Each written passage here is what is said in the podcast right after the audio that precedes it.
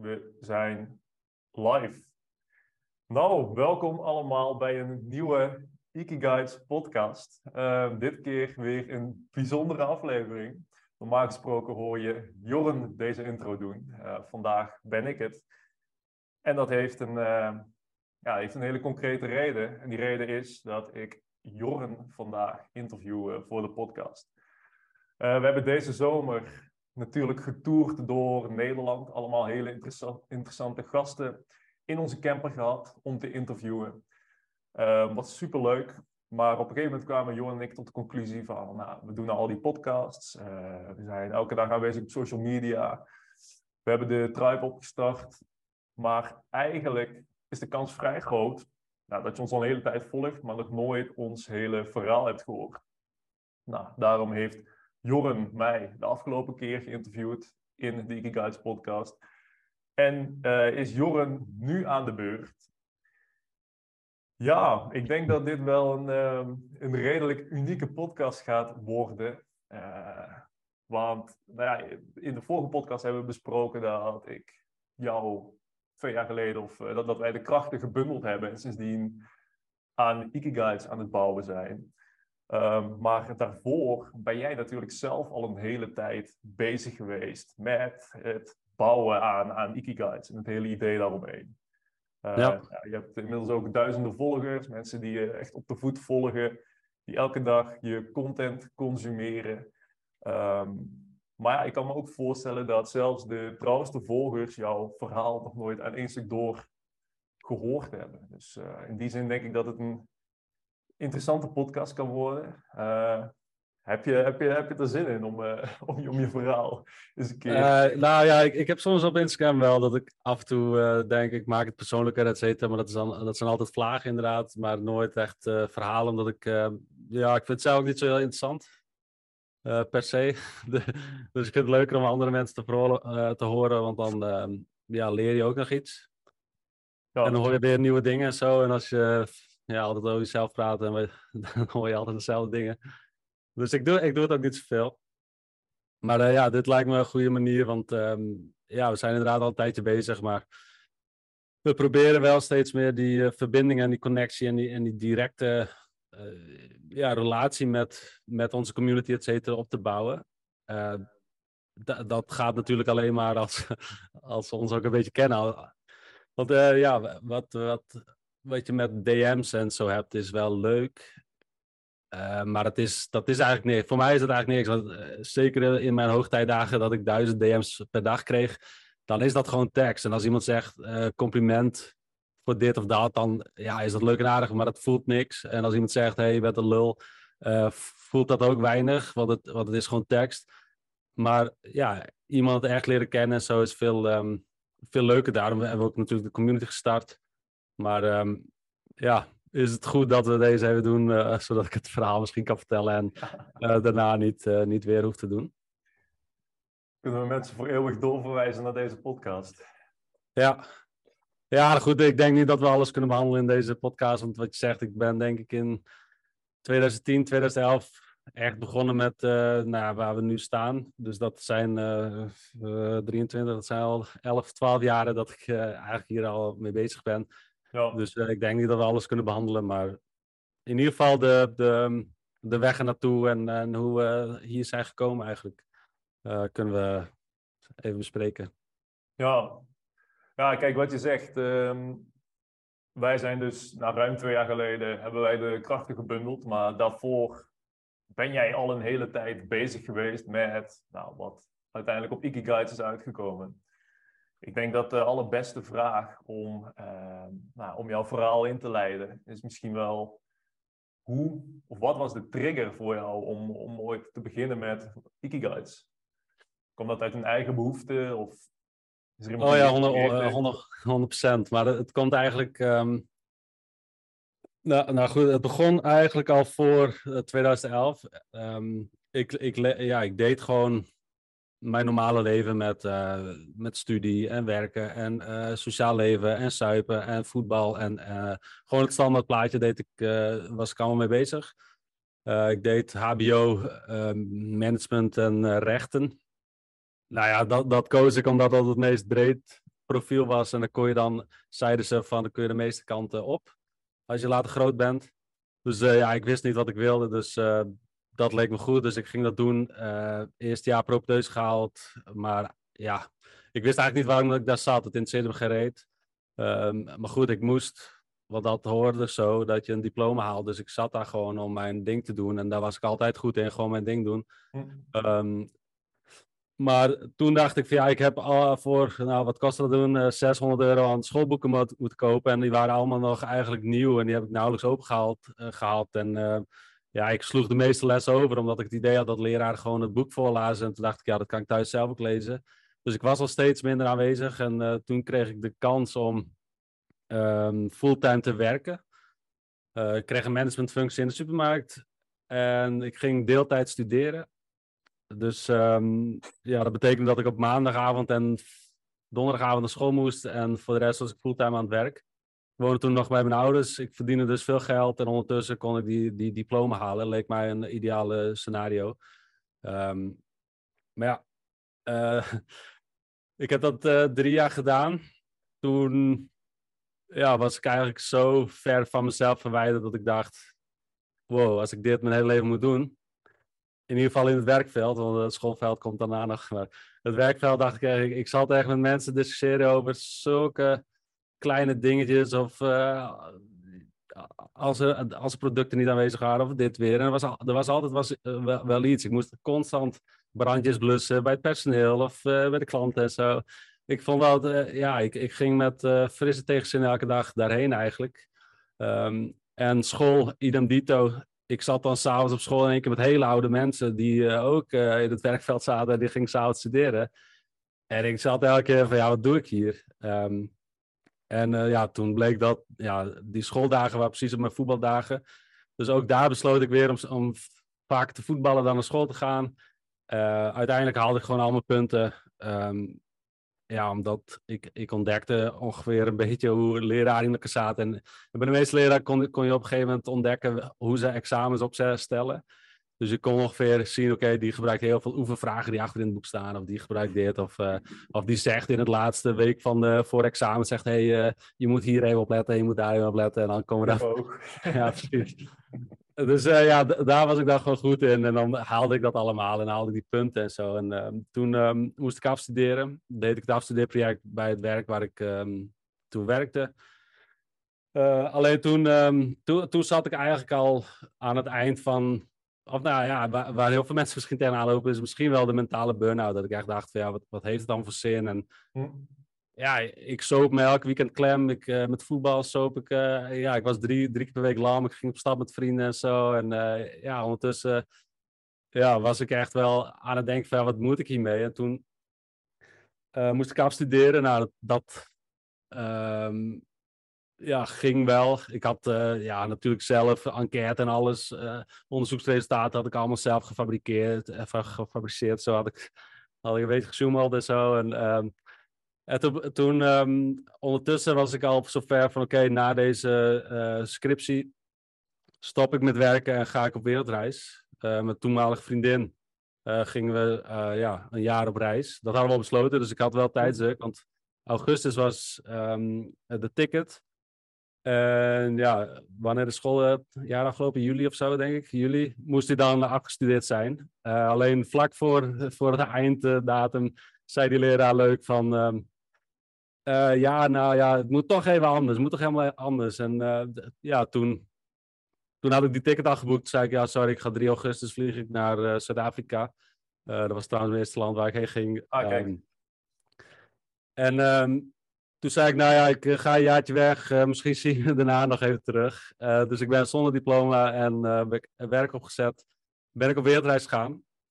ja, daar is eigenlijk Kikigaits begonnen. Het moment dat ik het vliegtuig instapte met mijn vriendin destijds was het moment dat mijn brein nooit meer hetzelfde was. En dat is eigenlijk ontstaan door, nou, mede door Zuid-Afrika, dat je voor het eerst je eigen vertrouwde omgeving verlaat. En je oude percepties worden in één keer uitgedaagd van, ja, kijk, ik woonde gewoon in een Fries, Fries dorpje.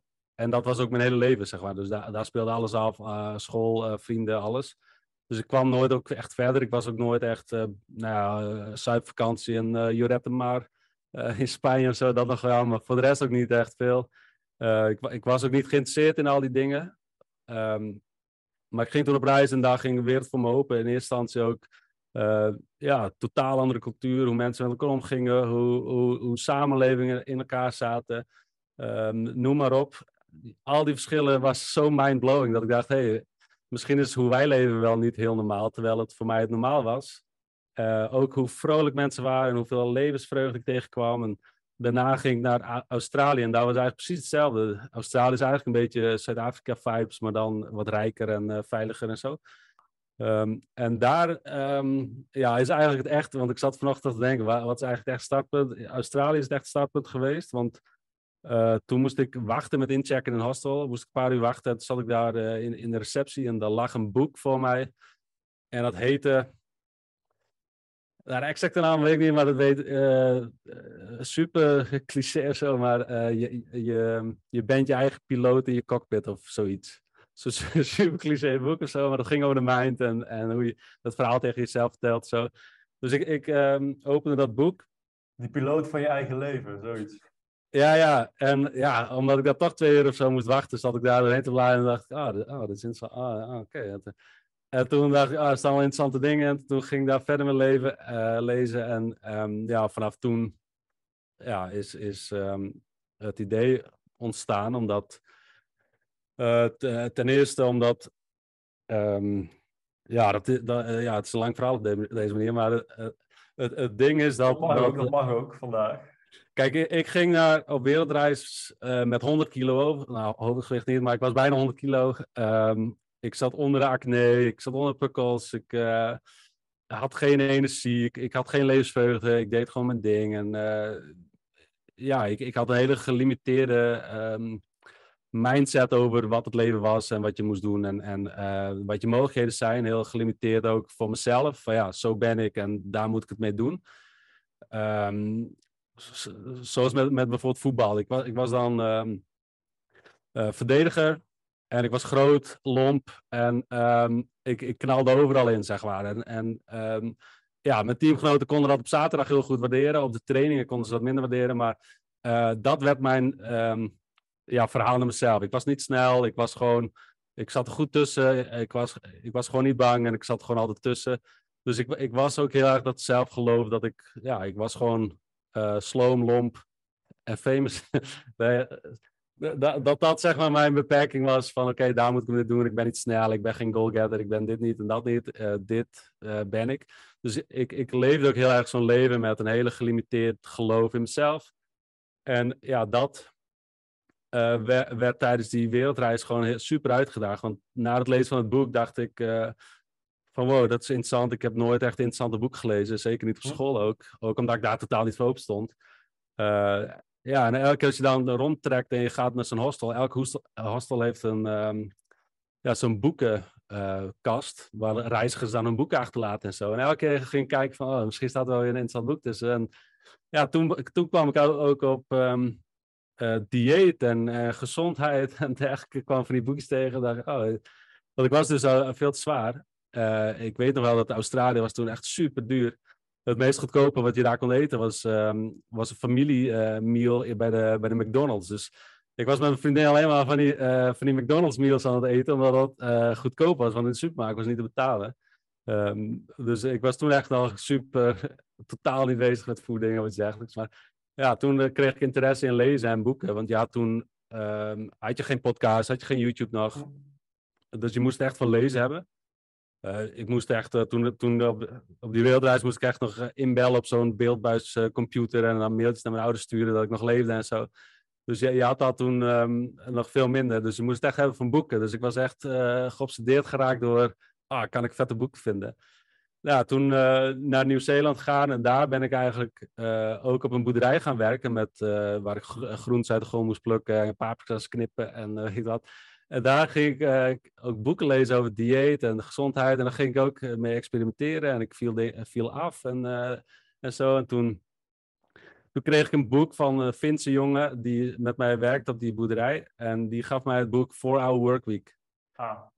En dat is eigenlijk het begin geweest van Ikigai zelf. Dus uh, er zijn eigenlijk twee dingen. Mijn, mijn privéleven en zakenleven of carrièreleven zijn uh, ja, eigenlijk samengekomen. Uh, mede door de interesse die ik in één keer kreeg in mezelf. En, en de mogelijkheden die eigenlijk ja, onzichtbaar voor mij waren, maar waar ik in één keer achter kwam.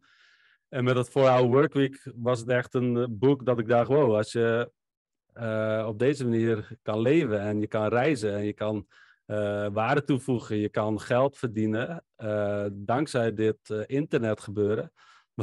ja, zoals ik zei, internet was toen echt nog niet zo groot als nu. Ehm, maar dat vond ik super interessant boek. En toen dacht ik, wow, dat wil ik ook. En, vanaf dat moment is het site gepland van, ik wil online werken, ik wil online iets kunnen toevoegen, zodat ik wel ook deze vrijheid kan houden en uh, mezelf kan doorontwikkelen, mezelf uh, kan uitdagen, experimenten doen, dat ik echt kan rondreizen en de wereld kan zien. Dat was echt, echt mijn idee van. Um, ja, toen zat, zat, ik dus in uh, Nieuw-Zeeland en. Um, ja, tegen die tijd dat ik richting Azië ging, toen, um, ja, toen, toen kwamen mijn familie en vrienden langs en ja, die dachten bijna dat ik, dat ik ziek was, omdat ik eigenlijk zoveel was afgevallen. Um, ja, weet je wel, als je de foto ziet, ik had me, ik had me uh, onderweg aan elkaar geschoren omdat het makkelijker was. Uh, dus uh, samen met dat drastische afvallen leek dat ook inderdaad heel ongezond. Maar ja, hoe, dat, dat... Hoe, hoe ging dat toen je ouders jou weer ontmoetten eigenlijk? Ik kan me voorstellen dat jij niet alleen aan de buitenkant veranderd was, maar aan de binnenkant ook enorm. Oh ja, 100%. dat is. Um, kijk, het was in Indonesië. Mijn ouders waren zelf ook nog nooit buiten Europa gekomen. Uh, of de meeste van mijn familie niet. Dus voor hen was het al. Uh, de ervaring op zichzelf was al zo overweldigend dat. Um, ja, dat mijn rol daarin misschien niet zo super groot was. Uh, maar die. Um, ja, dat is het cliché, denk ik, als je thuis komt. Dus ik was toen nog niet thuis. Ik, was, ik ging wel bijna weer, het jaar was bijna om, ik ging bijna wel weer naar huis. Maar toen nog niet helemaal. Maar het cliché is, wanneer je thuis komt, is dat vrijwel alles hetzelfde is.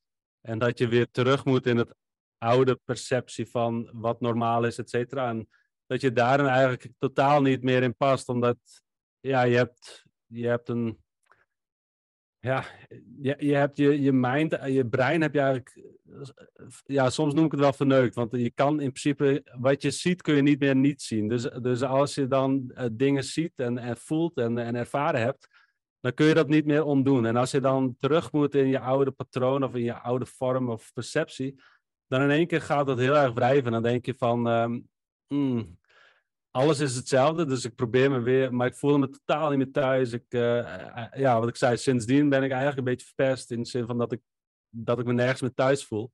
Of ik heb sindsdien eigenlijk geen thuis meer gecreëerd, laat ik het zo zeggen. Uh, maar ik pas, het paste gewoon niet meer om elke dag te suipen en, en, en in bed te liggen en, en uh, series te kijken en dat soort dingen. Omdat ik dacht, wow, ik was tijdens, die, tijdens het jaar op reis heb ik zoveel vette dingen ontmoet, zoveel leuke mensen, zoveel dingen gezien. Dan ja, voelde het echt alsof, um, ja, alsof ik mijn tijd ver, verdeed, zeg maar. Dus dan, dan kun je dat eigenlijk niet meer niet zien. En dat um, resulteert een beetje in een, in een depressie eigenlijk. En daar hebben mijn ouders het meeste moeite mee gehad. Dus die konden niet echt meer uh, begrijpen wat ik had gezien en wat ik had gelezen had en wat ik uh, ervaren had. Dus dat is niet... Um, ja, daar, daar, daar kan ik ze weinig kwalijk nemen. Maar zij hadden zoiets van, oké, hij komt terug en hij gaat nu gewoon zijn diploma afmaken en uh, gaat een nieuwe baan zoeken, et cetera. Dus um, ja, daar hadden ze op een gegeven moment meeste moeite mee. Dat ik daar totaal niet meer mijn weg kon vinden. Um, konden ze niet echt zien wat ik, in hoeverre ik was veranderd tijdens de reis, maar wel hoeveel ik was vrij, uh, veranderd thuis. Uh, ja, daar hebben ze best, best wel zorgen over gemaakt. Maar oh. toen, toen zij langskwamen, was het niet zo van: hé, hey, wie ben jij? ik, was niet, ik was niet in één keer Boeddha of zo, dat ik totaal andere persoon was. Oh, dat niet. nee, die reis, kijk, dan, als je rondreist en rondtrekt met je backpack, dan is elke dag zoveel indrukken, zoveel nieuwe dingen. Je sta, pas als je thuis komt of, of in de rust komt, dan pas kun je alles processen. En dat is na de tijd dat, dat ik na een jaar thuis kwam, is dat toen pas gebeurd, ja. En uh, tot welke conclusies ben je gekomen tijdens dat proces? Um, nou ja, dat ik het niet wilde zoals ik het deed. Alleen dan moest ik het anders doen. En, en waar ik tegenaan liep is dat, ja, um, Nederland staat niet echt open voor mensen die het anders willen doen. Mensen die ehm, ja, dingen anders zien en of ja, buiten, de uh, buiten de paadjes lopen en zo. Daar, daar houden ze niet zo van. En dat heb ik gewoon heel erg gemerkt. En, ik, en ik, zo was ik vroeger zelf ook. Als iemand gekke dingen deed, dan zei je daar wat van. Um, of dan vond je daar wat van. Of moest je iemand even een grapje maken of neerhalen. Uh, daar had ik het meeste moeite mee. Want ik wilde nu een online bedrijf gaan opzetten. Uh, ik wilde verder met uh, voeding experimenteren. Ik wilde meer lezen. En ik, ik, ging, ik ging allemaal gekke experimenten doen met mezelf. Maar niemand daar... ja, iedereen dacht in mijn vriendengroep, familie zo... Ja, wat, de fuck doe jij allemaal? Hoe ga je er überhaupt geld mee verdienen? Dat was ook va vaak een vraag. Dus ik kreeg heel veel weerstand, waardoor, um, ja, waardoor daar best wel wat jaren overheen zijn gegaan voordat ik echt mijn idee van Ikigai kon, um, ja, kon voortzetten. Omdat ik nog in dat hele persoonlijke proces zat. Want ik zat gewoon met één been, zat ik gewoon nog midden in, in dat hele oude gebeuren. Want ik woonde daar ook weer.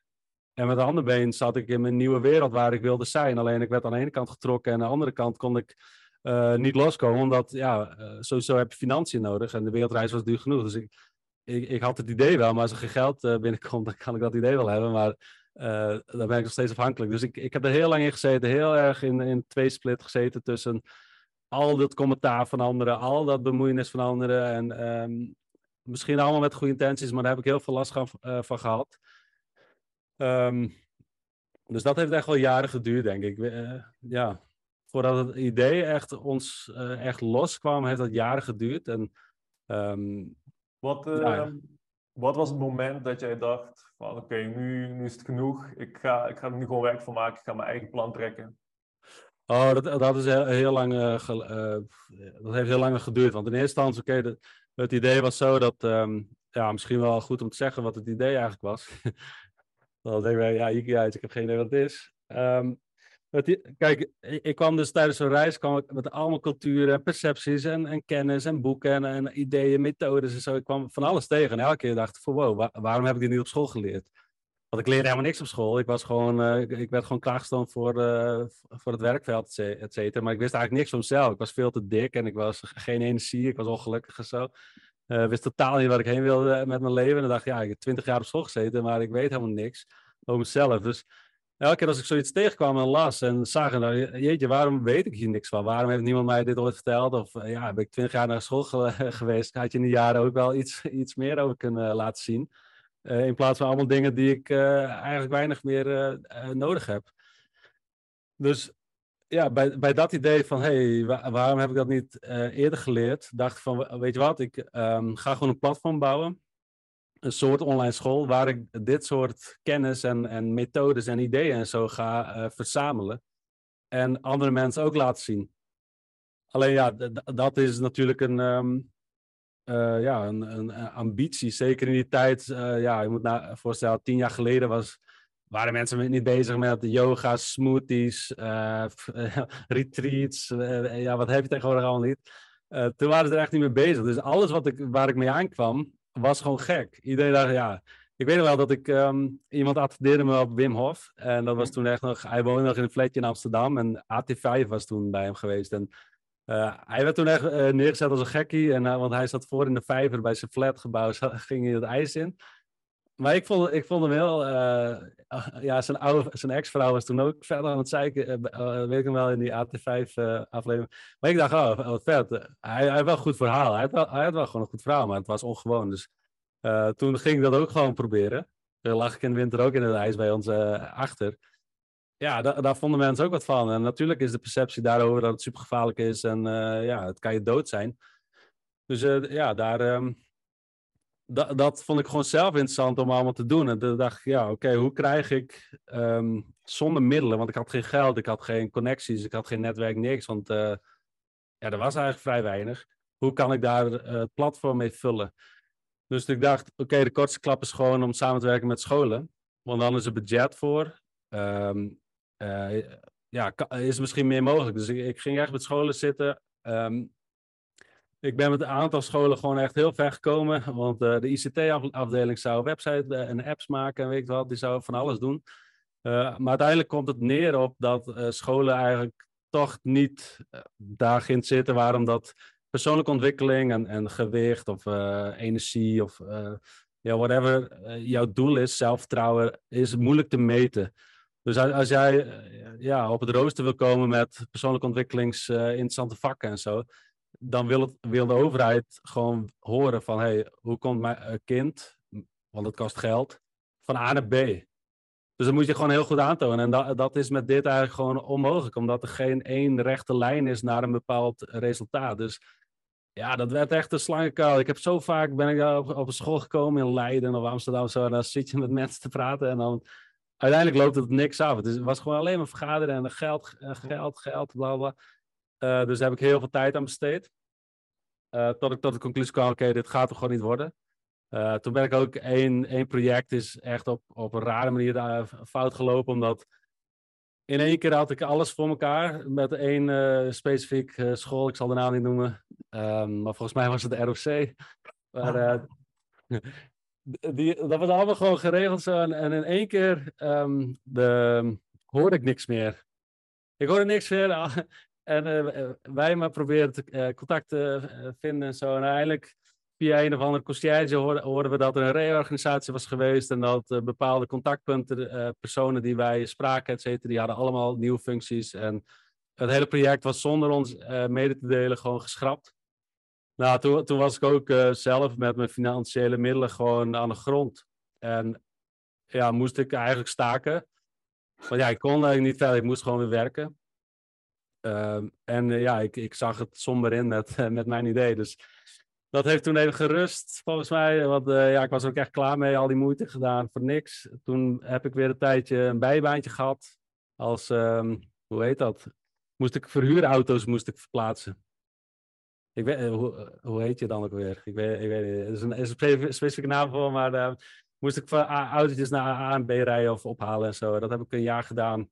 Um, en toen heb ik het weer opgepakt, want ik dacht, ja, ik, ik wil eigenlijk niet um, anders. Want tijdens dat autorijden, dus ik zat de hele dag in de auto op de weg, had ik dus um, luisterboeken. Dus uh, ik was dan ah, acht uur per dag aan het, aan het rijden en dan had ik allemaal luisterboeken. En ik was elke dag zo geïnspireerd van alles wat ik tegenkwam en uh, dit en dat. En, dus ik zat elke dag wel van, fuck man, ik moet, ik moet wel iets met het idee.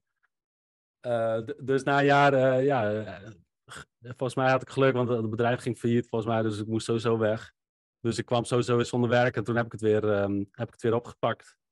En toen dacht ik van oké, ik wil niet meer afhankelijk zijn van andere mensen. Weet je wat, ik ga gewoon online posten. Ik ga gewoon posten wat ik doe en wat ik denk en dat soort dingen. En um, ja, daar is het eigenlijk um, mee gegroeid. Want ja, in mijn eigen omgeving kon ik weinig mensen vinden die, het, die met groene smoothies naar het werk kwamen of iets dergelijks. Dus ja, toen ben ik daar gewoon over gepost en ja, dan praat je eerst tegen een muur of tegen je tante of uh, je buurvrouw of zo die je volgt. En op een gegeven moment zie je groeien, groeiende, groeiende menigte die ook zoiets heeft van hé, hey, dat is interessant, daar ben ik ook mee bezig. Of, uh, en dan in één keer ontstaat er iets. Nou ja, goed, inmiddels zijn we ja, op Instagram heb je een wildgroei aan dit, uh, dit soort accounts. Ja. Maar toen ik dat nog deed, voelde dat echt nog heel, um, ja, heel nieuw. Ja. En daarom ook extra moeilijk, omdat ja, je moet zo tegen ja, vechten tegen het oude narrative. Want als je kijkt dat Wim Hof bijvoorbeeld ook 25 jaar nodig had om zijn ideeën aan de man te krijgen. Die was uh, 25 jaar lang uh, gekkie. En in één keer uh, blijkt het voor superveel mensen een effectief ja, methode te zijn. En wetenschappelijk ook nog gewoon aantoonbaar, et cetera. Dus ja, dat vond ik het allermoeilijkste wat ik um, hierin gedaan heb. Het, het vechten tegen al die mensen, al die meningen, al die goed bedoelde adviezen. En, en um, ja. Ja, ik, ik denk dat daar een heel interessant punt in zit. Hè? Want als ik zo, zo dit hele verhaal hoor, dan herken ik daarin heel veel um, het proces wat ik zelf heb doorgemaakt, waar wij het uh, de vorige keer dus over hebben gehad. Want wat jij heel duidelijk vertelt, is dat, je, ja, dat jij ook uit bepaalde sleur bent ontsnapt. Die dagelijkse sleur van uh, naar school gaan, je diplomaatje halen, uh, je vaste baan, geld verdienen, settelen. En ik denk dat als je in Nederland geboren wordt, dat de kans extreem groot is dat je, nou, zonder dat je er zelf erg in hebt, in die sleur wordt meegenomen. jij bent aan die sleur ontsnapt, letterlijk, door te gaan reizen. En eigenlijk vanaf het moment dat jij uit dit, uh, dit context hier in Nederland bent ontsnapt, uh, is er bij jou een heel ja, groot proces van reprogrammering gestart. Ja. Een proces wat misschien nog wel jaren heeft geduurd voordat jij ja, jouw hele manier van denken, uh, jouw hele patroon aan gewoontes hebt kunnen re reprogrammeren. nou, vanaf het moment dat het lukte, heb je ook nooit meer thuis gevoeld in Nederland waar de sleur de sleur is. Maar ik denk dat dat, dat dat een enorm interessant proces is. En dat dat ook een proces is, of een punt is waar heel veel mensen tegenaan lopen. Van ja, ik, ik woon hier in Nederland, ik ben in Nederland opgegroeid. Ik heb dus die Nederland, of, tussen aanhalingstekens Nederlandse overtuigingen. Um, en mensen zien wel dat er ook een ander, ander leven is, een ander bestaan mogelijk is. Maar het is extreem lastig om uit die Nederlandse sleur te breken. En we uh, hebben het ja. natuurlijk ook al vaker over, maar wat? Wat denk jij dat de sleutel is om, of de eerste stap is om dat toch te doen? Zeg jij van ja, je moet haast wel uh, er een jaar tussenuit gaan te reizen? Of denk je dat er ook andere... Nee, nee, nee niet per se. Om die herprogrammering te starten? Ja, nee, niet per se. Nou, ik, moet, ik wil toch ook even benoemen dat... Um, uh, ik heb niet per se kritiek op de Nederlandse manier van leven en samenleving. Nee. Ik, ik weet dat er genoeg mensen zijn die heel goed gaan op, op die zekerheid en die veiligheid. Hebben exact weten waar ze aan toe zijn, et cetera. En als je daar helemaal happy in bent, dan vind ik dat helemaal uh, top. Alleen, ik was zelf gewoon totaal niet happy. Dus ik, ik kwam vanuit een bepaalde pijnpunt. Uh, onder andere omdat ik totaal intelligent... Op intelligentieniveau werd ik echt nul uitgedaagd in mijn uh, manier van leven, zeg maar. Ook ja, ik, ik, was in principe ook een zombie. En, en ja, dopamine komen we straks nog op. Maar ik was ook gewoon een dopamine-zombie. Oh. Om, ja, ik zat heel veel op MSN. MSN heeft mij echt verneukt ook. In, in, dat opzicht. Want um, ja, kan ik nu wel even bij zeggen. Um, als je op een gegeven moment niet, niet echt meer lekker gaat. En je hebt eigenlijk, je, hebt eigenlijk helemaal geen plezier in je leven. Je, je werkt eigenlijk niet naar een visie of een doel. Of, ik, ik wist van mezelf, ik, ik heb de um, capaciteit om gewoon een normaal goed leven in Nederland te houden, hebben. Goed werk, goed inkomen, goed. Uh, ik kom van een supergoede, of nou, niet per se welvarende, maar gewoon veilige. En uh, er was geen getraumatiseerde dingen. Dus ik kwam van een hele goede basis. Dus ik wist van mezelf, ik kan altijd in een winkel werken of op kantoor werken of uh, huisje bezig doen. Alleen eh, daar, kwam totaal geen motivatie of energie los of zo. Dat ik dacht, oké, dat moet ik doen. Daar heb ik zin in. En datzelfde is gebeurd op school. Dat je denkt, ja, waarom doe ik dit eigenlijk? je moet allemaal fictieve dingen opstellen. En ik dat was totaal niet interessant. dus, dus één puntje is verdoven met um, ja, alcohol. Dus ik ging heel veel op stap met vrienden. Um, tweede was natuurlijk ja, films downloaden. Series was toen wel ja, in opkomst, denk ik.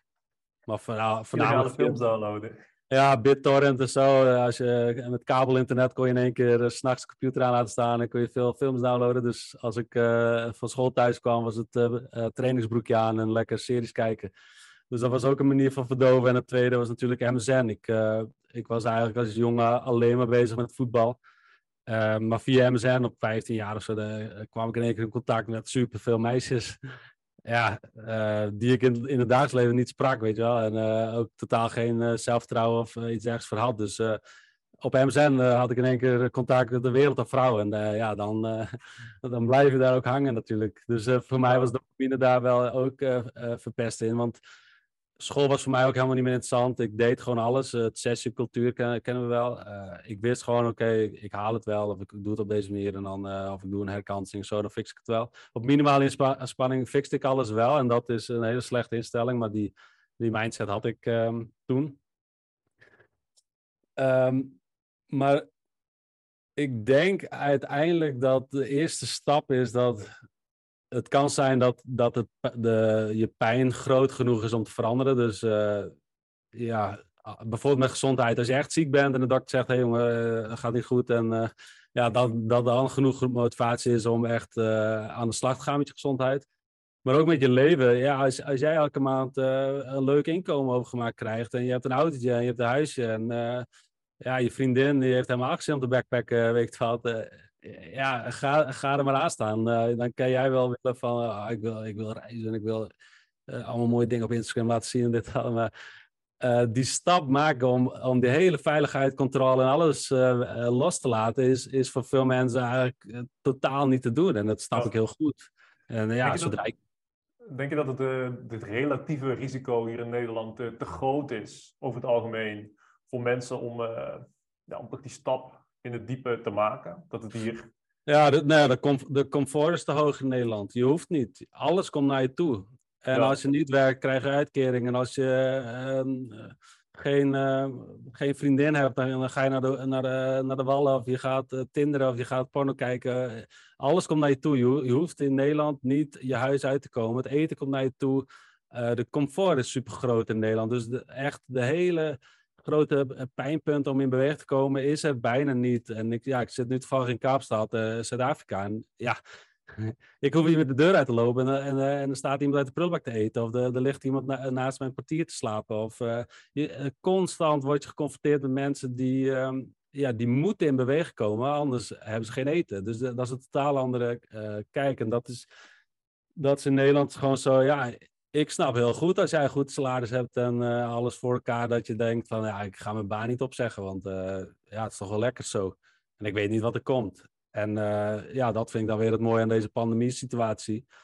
Heel veel mensen zijn gedwongen om in beweging te komen. En, en heel veel mensen zijn een beetje angstig of, of uh, nou, misschien wel geïnspireerd geraakt door... hey, wat, wat gebeurt hier allemaal? En dat vind ik het positieve, dat, ja, dat mensen nu denken... hey, het leven is misschien wat maakbaarder... of ik moet nu in beweging komen om mijn leven te veranderen. En ja, ik denk bijvoorbeeld met kunstmatige intelligentie... heel veel mensen ehm, ja, hebben natuurlijk uh, toen wij overgingen naar fabrieken die, waar uh, robots het over gingen nemen. Ja, heel veel mensen hebben dat afgewacht totdat ze niet meer nodig waren.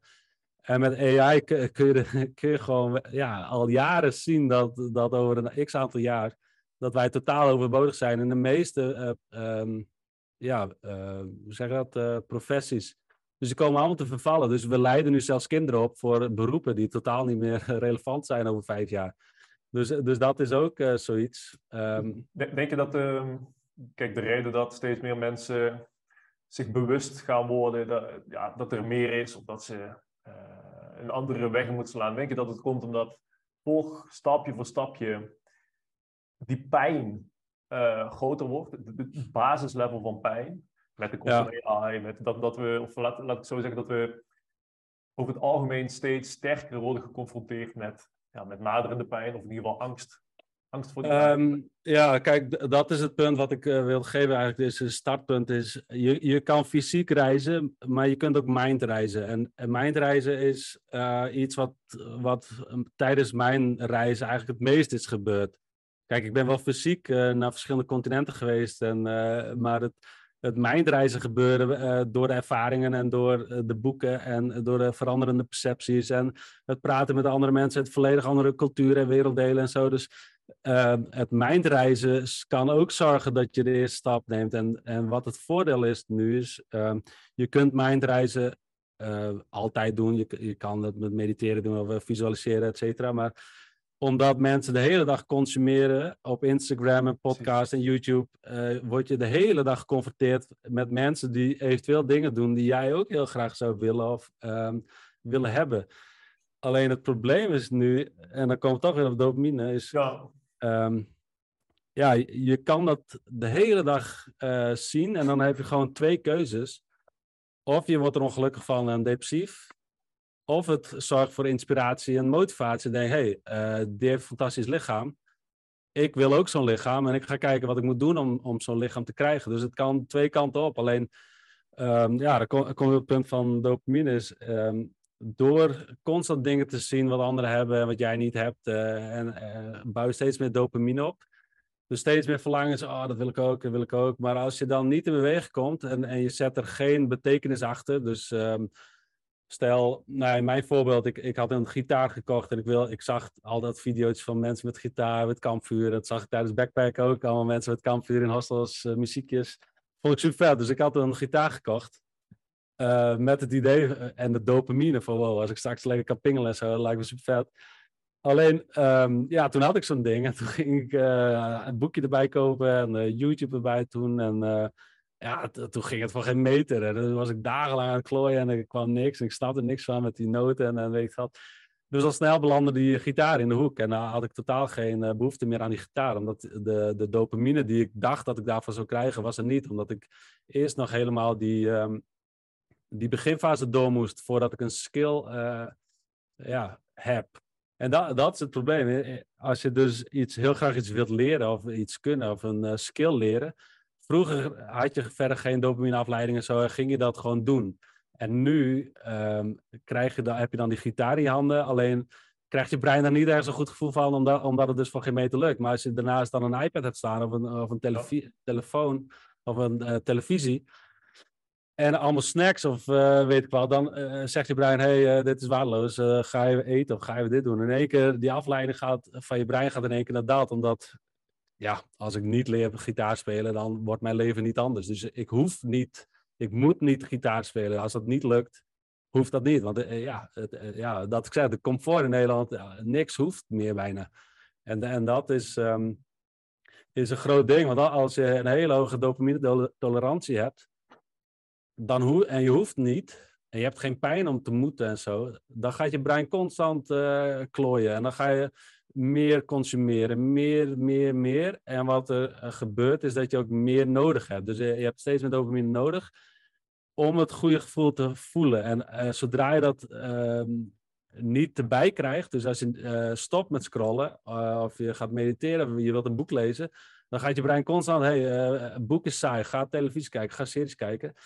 En het probleem is als je dat tegengaat en je, en je, en je voldoet niet aan die dopamine, uh, ja, dan voel je een bepaalde leegte.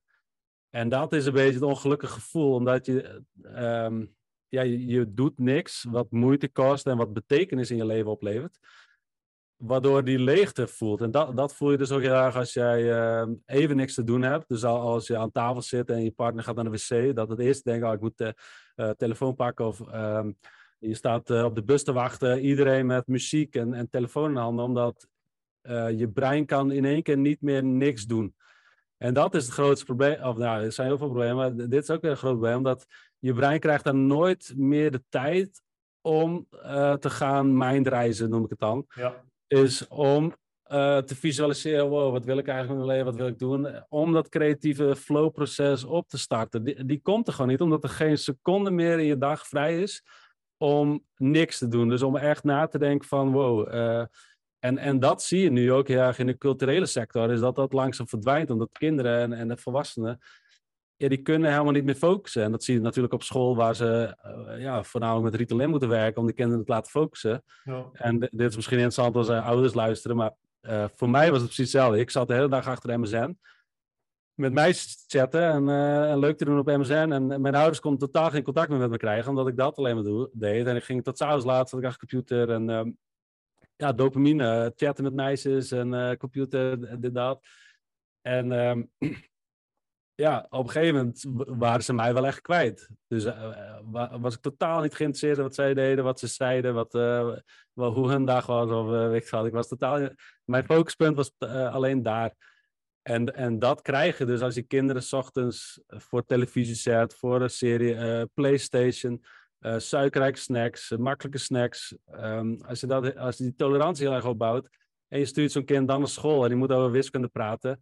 Ja, dat brein heeft daar echt geen zin in. En, en, en die zal alles doen om dat kind af te leiden, om iets anders te doen, om vervelend te doen, om, om om te tekenen, weet ik wat. Ja, waardoor je dus inderdaad Ritalin nodig hebt om zo'n kind wel de focus te laten houden. Dus ja. dopamine is zo'n belangrijk ding. En ik, ik was denk ik de eerste generatie die daar echt ten onderaan is gegaan met MSN en kabel-internet. Maar het is nu natuurlijk super groot. Ja, exact. Ja, het is super interessant wat je daar aangeeft met dat mindreizen. Want uh, nou ja, jij bent dus fysiek op reis geweest, maar je zegt dus eigenlijk dat je denkt dat het niet nodig is om fysiek op reis te gaan, zolang je maar met je mind op reis kan.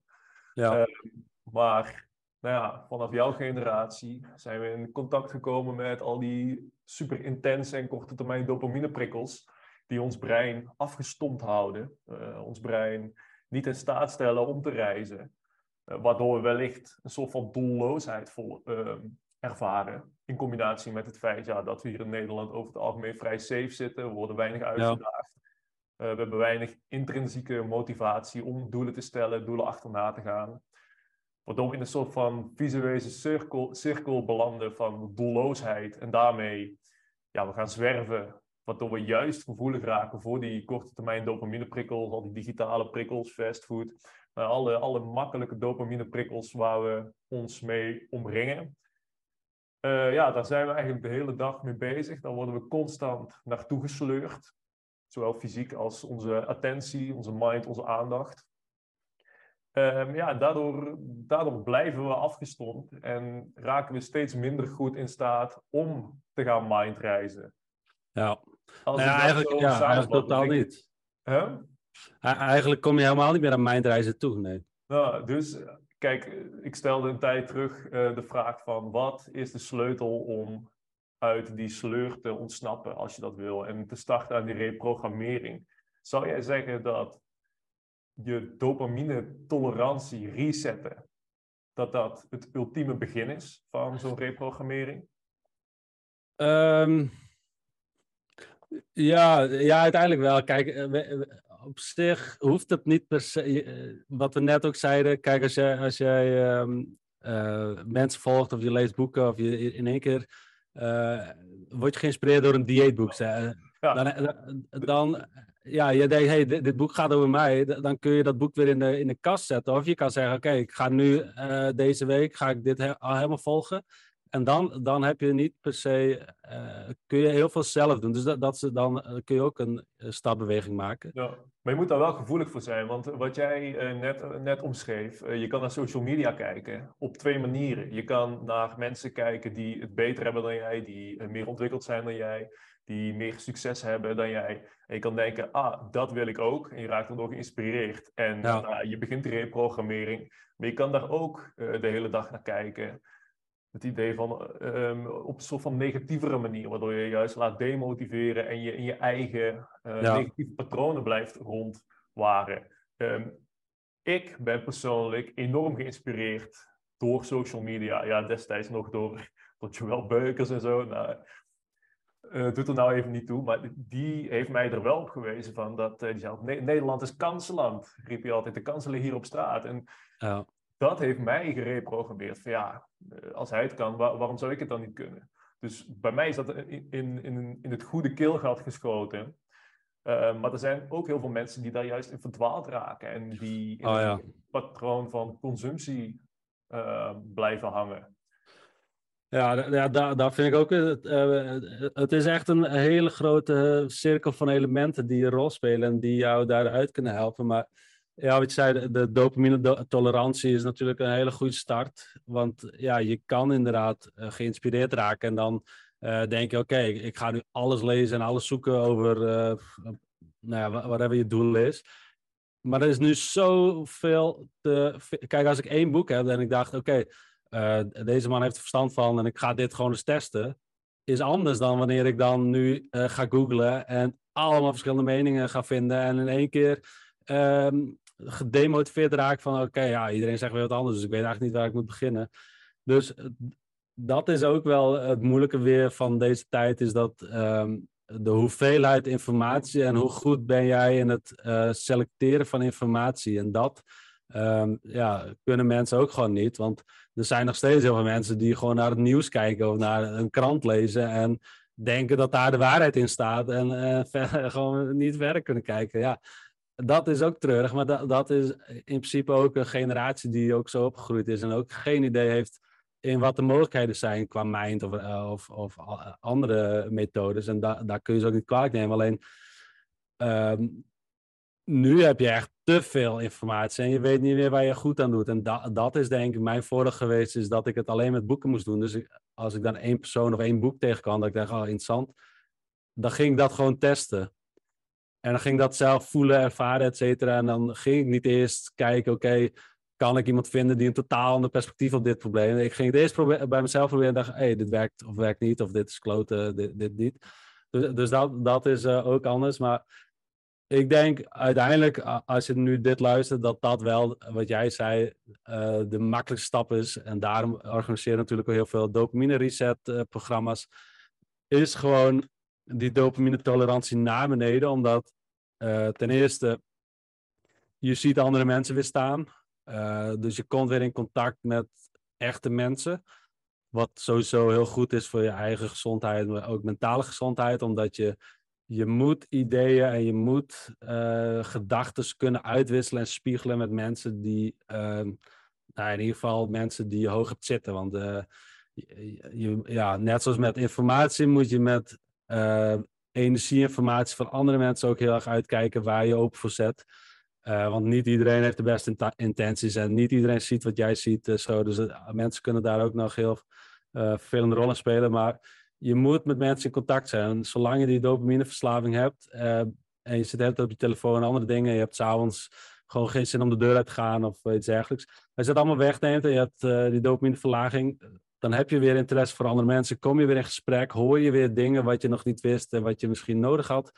Uh, plus je, je brein krijgt weer zin om te lezen, krijgt weer zin om aan jezelf te werken, krijgt weer zin om te sporten. Want je hebt natuurlijk te maken met de visuele cirkel. Als je heel hoge dopamine hebt, dan heb je steeds meer uh, zin in dingen. Uh, wat betreft uh, meer porno, meer Tinder, meer pizza, meer fastfood, meer gokken, meer alcohol, meer cocaïne, et cetera. Dat, dat is gewoon die loop.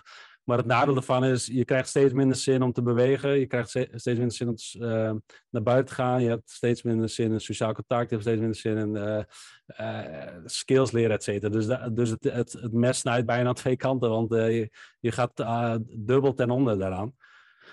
Dus je zou, denk ik, echt supergoed doen om um, zo'n dopamine tolerantie te zien. En dat zien we ook aan, aan alle reacties die we krijgen. Is dat ja, mensen, mensen horen weer dingen, mensen voelen weer dingen. Zo, eh, het, uh, het haalt je verdoving weg en in één keer kun je weer mogelijkheden zien. En kun je een goed startpunt pakken van oké, wat wil ik anders?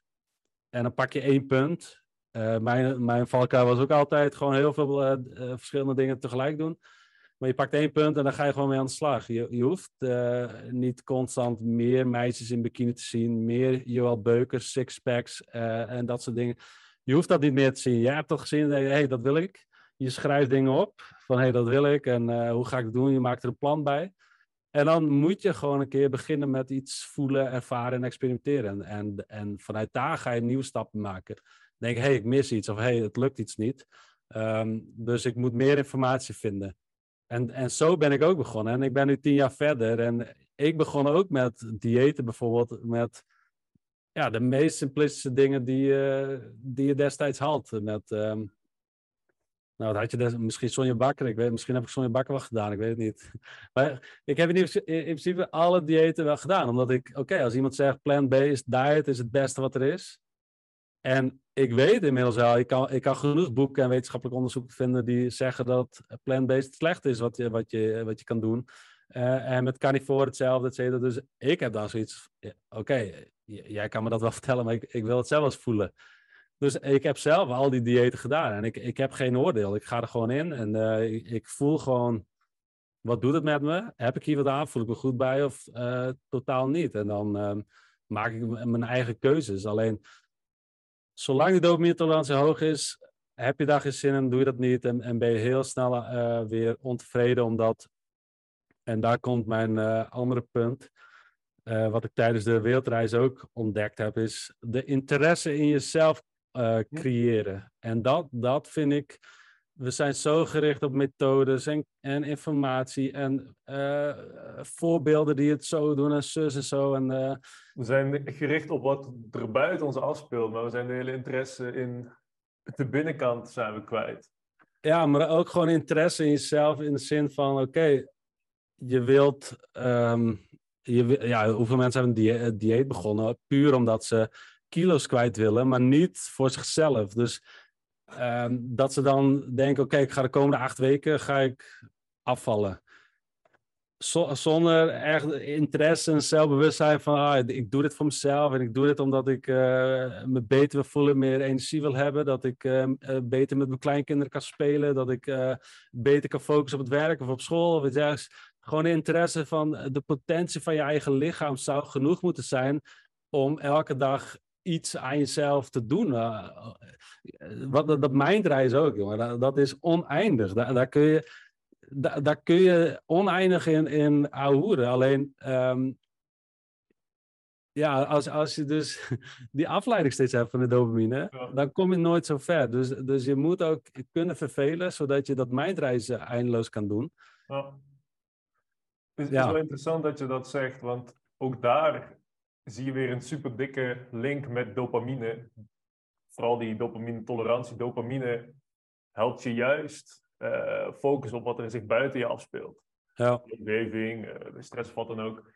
Um, en ja, eh, dat voorbeeld wat jij geeft met afvallen, dat je afvalt en dat je kilo's kwijt wil raken, eigenlijk omdat je voelt dat je moet voldoen aan het plaatje wat de buitenwereld heeft. In plaats van dat jij wil afvallen, omdat je jezelf van binnenuit dan energieker gaat voelen, beter in je vel, letterlijk.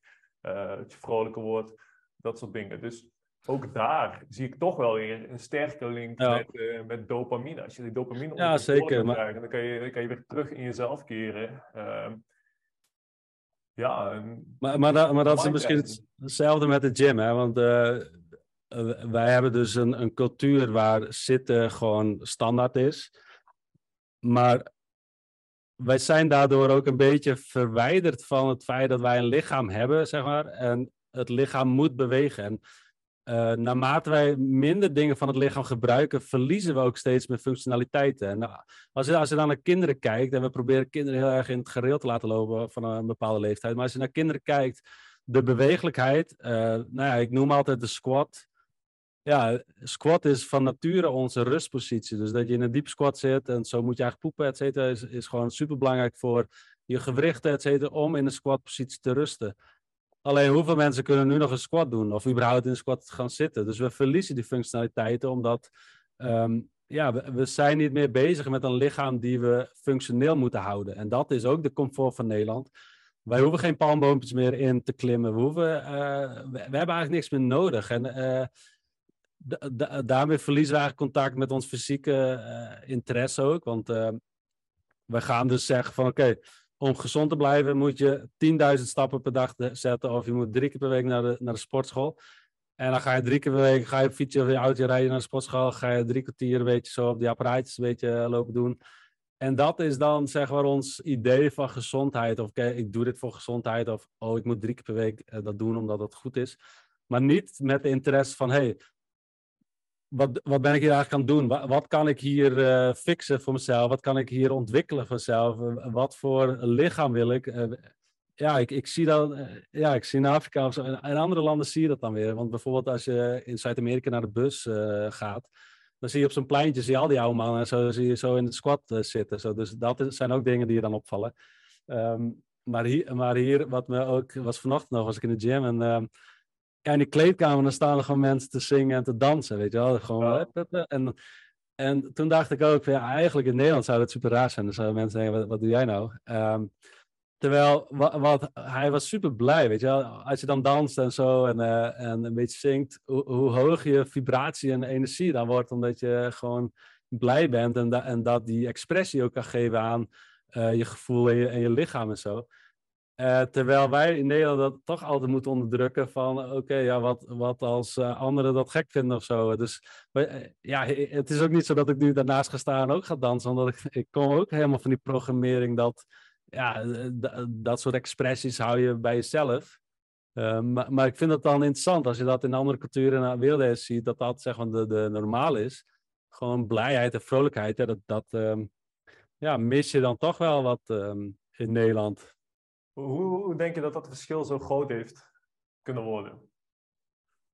Nou ja, ik denk, wat we eerder gezegd hebben, de comfort die we hier hebben uh, en hoe we naar binnen zijn gaan, uh, uh, ja, binnenleven is het geworden. Wat ik zei, je hoeft je, je, je, hoeft je huiskamer niet meer uit om al die dingen te doen en je hoeft niet meer menselijk contact, want in de bus kun je gewoon met een noise cancelling headphone en een tas op de andere stoel hoef je nooit met een ander te praten. Je kunt kaartjes kopen bij de machines. Uh, straks met, met digital ID en, en AI en zo uh, hoef je helemaal geen mensen contact met te houden. Dus je, je hoeft eigenlijk niks. Dus uh, samen met die dopamine-tolerantie, waardoor je dus een bepaalde leegte hebt, maar ook zelfvertrouwen. En ik weet wel dat ik destijds met het onderwijs werkte, dus vele jaar geleden. Toen zeiden ze tegen mij, ja, het grootste probleem waar we tegenaan lopen is zelfvertrouwen. Dus de meeste kinderen hebben gewoon nul zelfvertrouwen. En, en dat, dat is denk ik ook een onderdeel van, als jij nooit jezelf ontwikkelt of dingen doet die heel veel moeite kosten of waar je heel veel werk aan had om dat te kunnen bereiken. Dat je geeft echt motivatie en, en, en dat geeft echt voldoening en, en, betekenis, maar vooral ook zelfvertrouwen. En als je met die dopamine zo, of je doet nooit iets van betekenis, dat je ook niet echt dat zelfvertrouwen krijgt om daarmee door te gaan. En, en om te denken van, oh, als ik, als ik dit kan, misschien kan ik dat ook wel proberen. Misschien uh, als ik daar wat, wat moeite in doe, dan kan ik dat ook. En, en dan bouw je het zelfvertrouwen op. Alleen als je nu ja, eh, dat is hetzelfde met um, dat je medailles krijgt voor zesde en achtste, negende plaats en dat, dat soort dingen. Dat, dat is denk ik, kijk, daar is veel over te zeggen met competitie en zo, maar vanuit onze natuur is het wel zo dat wij een prikkel moeten hebben om in beweging te blijven komen.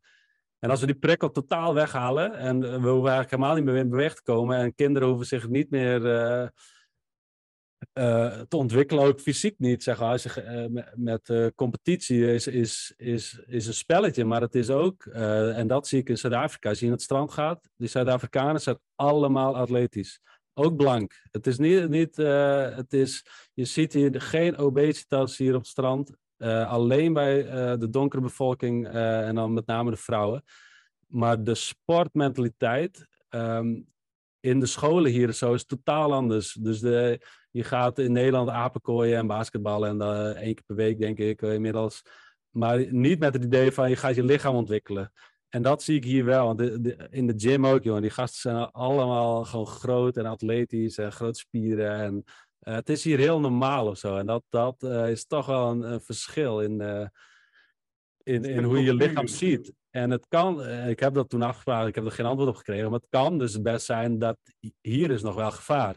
Hier hoef je s'avonds niet alleen op straat te lopen. Of hier kun je nog in situaties komen waar je fysieke functionaliteiten nodig hebt. Hier moet je misschien nog wegrennen voor iemand die je wil beroven. Hier moet je misschien nog vechten. Hier moet je misschien nog dingen kunnen met je lichaam. Maar als, je, als jouw functionaliteit van je lichaam dusdanig weg zijn, soms zie ik de meest achtelijke dingen gebeuren. Dat, dat mensen iets niet kunnen oprapen. Of uh, uh, hun kind vliegt bijna over de weg. Maar die, die, die reactiesnelheid is helemaal weg.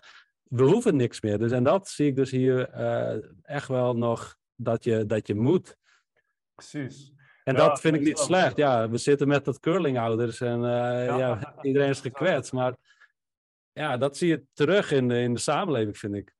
Dus je denkt um, dat juist omdat wij al die vorm van uitdaging weghalen, al die vorm van um, competitie, dat we ja, daardoor hier gewoon een beetje in slaap sukkelen. Terwijl als je kijkt naar een wat minder ontwikkeld land dan tussen aanhalingstekens, waar, waar die gevaren hier en daar nog wel op de ja. liggen, waar je nog wel competent moet zijn om um, ja, een, een leven te hebben, een leven op te kunnen bouwen, dat het eigenlijk heel positief uitpakt. Je hebt dan ja. wel hier en daar die zorgen, je hebt die onzekerheden. Maar het lijkt er haast wel op dat we toch die onzekerheid nodig hebben om het beste uit onszelf naar uh, boven te halen. Oh ja, denk, denk zeker. Ik vind, ik vind nou, weet je, het uh, curlinghouse klinkt negatief zo, maar kijk, de meeste ouders doen alles met de beste intentie voor hun kind. En die willen dat hun kind niet verdriet heeft, die willen geen pijn hebben, die willen geen teleurstelling zien bij een kind. Wat automatisch ook weer een ego-dingetje van zichzelf is van de ouders. Um, maar ja, iedereen weet dat het lichaam, biologie, de natuur heeft een uh, uh, weerstand nodig om te groeien of om, om te adapteren. En dat zie je met het lichaam ook. Ja, als je geen prikkels geeft, dan hoeft je lichaam zich niet aan te passen en hoeft het ook niet meer te groeien en verlies je spiermassa en verlies je uh, functionaliteiten. Want het, oh. voor overleving en energiegebruik is het is het uh, efficiënter als je dan dingen verliest. Dus dat zie je bijvoorbeeld als je spiermassa hebt en je gaat niet meer sporten, dan denkt het lichaam, oké, deze massa heb je niet meer nodig, dus dat kun je beter wegdoen. Um, en dat is dan een, een, iets wat je met het oog ziet. Alleen, ja, we zien toch alle, nou, vruchtbaarheid bijvoorbeeld. Ja, als, als vruchtbaarheid naar beneden gaat, is dat ook een teken van, um, oké, we zijn iets aan het doen wat, wat voortplanting eh, steeds onmogelijker maakt. Dus, dus daar is iets aan de hand.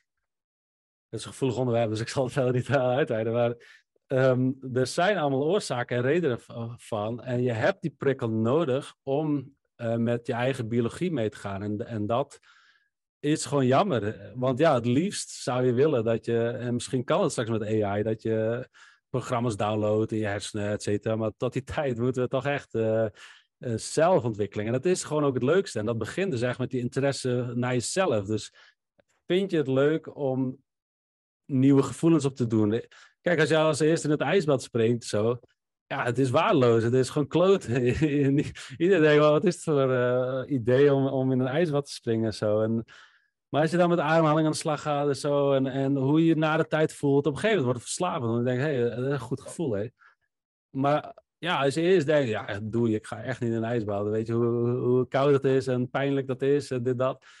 Kijk, da daar heb je dan het verschil met twee mensen. Is dat de een denkt, oké, nou, um, interessant. En dat zie ik ook duidelijk in mijn DM's bijvoorbeeld.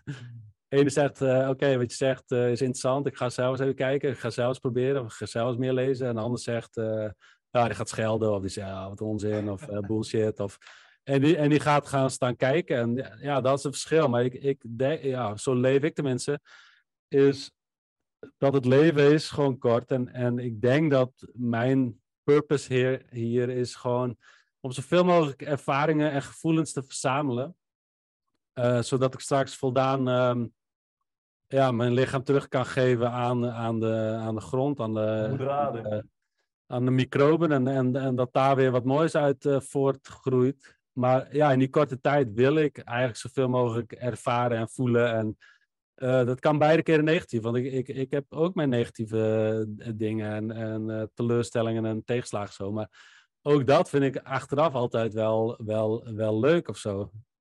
Dus, dus ja, niemand wil dat per se. Ja, en uiteindelijk is het gewoon zo dat door zo'n negatieve ervaring dat er iets nieuws op je pad komt, wat eigenlijk misschien wel veel beter was. En dat je dus achteraf gewoon blij bent dat het gebeurd is. Alleen tijdens zoiets ja, voelt het natuurlijk uh, waardeloos dat iets gebeurt. Uh, relatiebreuk bijvoorbeeld. Ja, ik heb vorig jaar ook in een diep dal gezeten met uh, nou ja, bedrijfstechnisch, relatie, persoonlijk vlak, mijn eigen gezondheid, mentale gezondheid, uh, richting burn-out-achtige klachten. Ja, zat ik zelf ook heel diep. Financieel in één keer grote tegenslagen gehad. Um, ik kreeg bijvoorbeeld shadowban op uh, Instagram, wat grote invloed had op onze bedrijfsvoering, et cetera. Oh. Dus, ja, vorig jaar dacht ik te settelen in Zuid-Afrika. En dat ja, na een paar maanden nadat we waren gesetteld met een prachtig huis en meubels en alles, ja, liep dat anders. En uh, toen stond ik in één keer weer op nul. En toen heb ik echt over, ja, wat, wat moet ik in één keer? En achteraf denk ik, oké, dat was een moeilijke periode. En nu, uh, ja, nu zit ik weer vol uh, energie en passie en weet ik precies weer wat ik wil. En, en uiteindelijk zijn er alleen maar positieve, positieve dingen uit voortgekomen. En dat denk ik ook bij, bij, um, bij corona, de pandemie, ja, veel mensen ellende. Um, door, met, met name door de maatregelen en de gevolgen daarvan.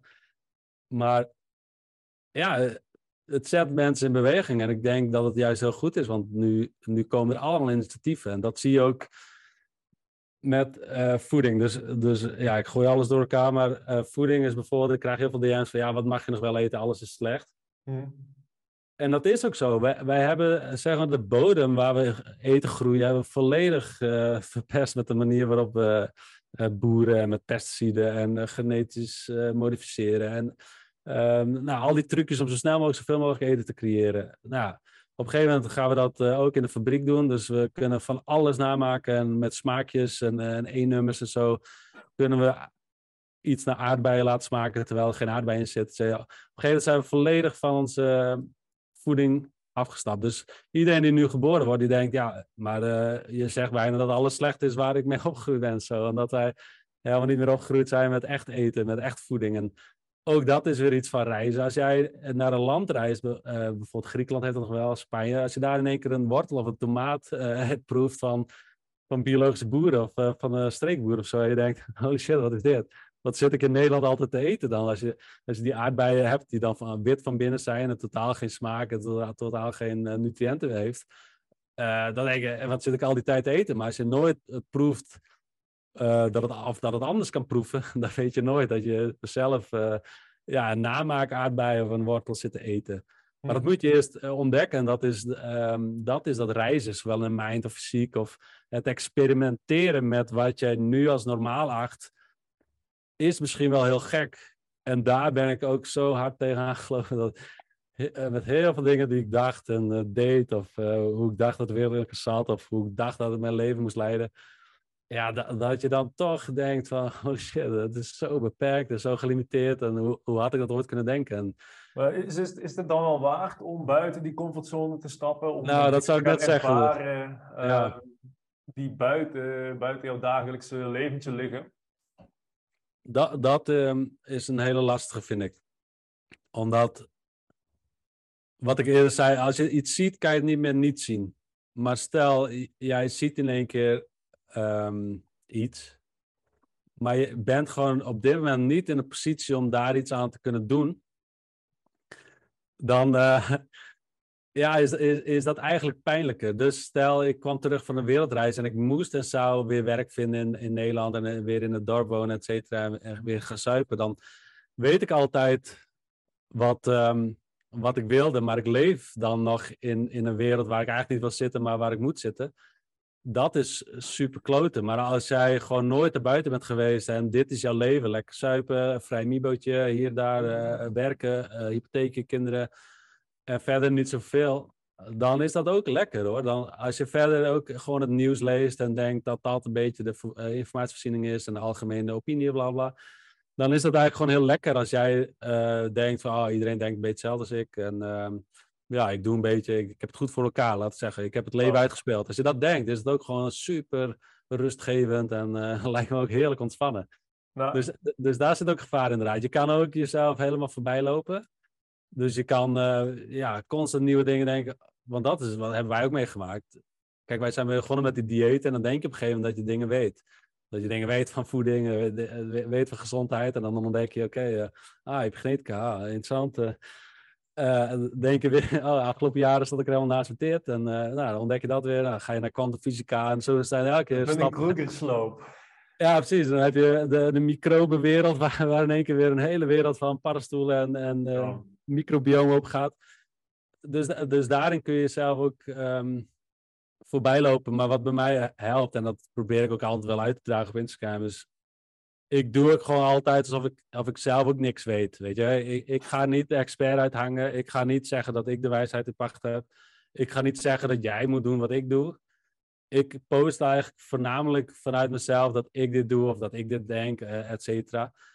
Omdat ik weet dat ik er totaal naast zit. Maar dat weet ik pas over drie jaar of zo. Dus dan is het, moet ik het ja, ik, ik kan het ook voor me houden, zeg maar. Alleen het is ook een stukje leren en groeien en zo. Dus... Ja, precies. Maar om erachter te komen of je, of je goed zit of fout zit, moet je wel in die ontwikkeling blijven. En dat is ook iets um, wat jij net al noemde, dat ervaren. Ik denk dat het, dat het daarom draait. Je wil dingen ervaren. En dat is ook de reden dat je buiten die comfortzone gaat. En dat je wel uh, het risico neemt om er dan achter te komen dat die aardbei in Griekenland, dat dat de echte aardbei is. En dat we hier al, al die jaren gewoon nep, nepvoer vreten. Dus in eerste instantie is dat confronterend. Maar uiteindelijk heb je wel uh, het, het echte kunnen ervaren. En ik denk dat dat een van de grootste redenen is, de grootste motivaties, om toch buiten die comfortzone te blijven gaan. Dat is, dat is, uh, is een van de manieren waarop je ja, kan ervaren dat je daadwerkelijk uh, leeft. Je kan betekenis geven aan het bestaan wat je hier uh, op aarde hebt. En dan raken we meteen een dieper thema, de, de zin van het leven. Ja, wat doe je hier? Ja, ervaren. Ervaren dat je er bent, ervaren dat je leeft. En ja. um, ik denk dat dat ook iets is waar, nou, waar waarschijnlijk veel van onze luisteraars tegenaan lopen. Zeker waar ze de afgelopen twee, tweeënhalf jaar ook tegenaan zijn gelopen. Um, er is natuurlijk, nou ja, er zijn heel veel dingen aan het licht gekomen die voor die twee en tweeënhalf jaar niet zo sterk aan het licht kwamen. Um, en ja, je hebt daarbij heel erg de, de, de struggle van, oké, hoe diep duik ik hierin? Wil ik het allemaal wel weten? Wil ik wel geconfronteerd worden met Nou, ik zal concreter worden met de, de, de, manier waarop het gaat in de wereld, rondom de economie, uh, politieke relaties tussen landen. We hebben natuurlijk de hele pandemie achter de rug gehad, waarbij er van alles, uh, van allerlei verdachte dingen zijn gebeurd, waarbij je allerlei vragen hebt kunnen stellen. Ja. Toch heb je een hele grote groep, en die hele grote groep, uh, nou, dat, dat zullen onze luisteraars voornamelijk zijn, die er wel voor hebben gekozen om die confrontatie aan te gaan, die wel naar de andere kant van het verhaal hebben durven luisteren, ongetwijfeld geconfronteerd zijn geraakt met feiten of verhalen die je, die, waar je liever niet mee geconfronteerd raakt, die ongemakkelijk zijn. Ehm, ja, maar toch in een drang naar de, de waarheid, naar het ervaren van hoe het, hoe het uh, daadwerkelijk zit.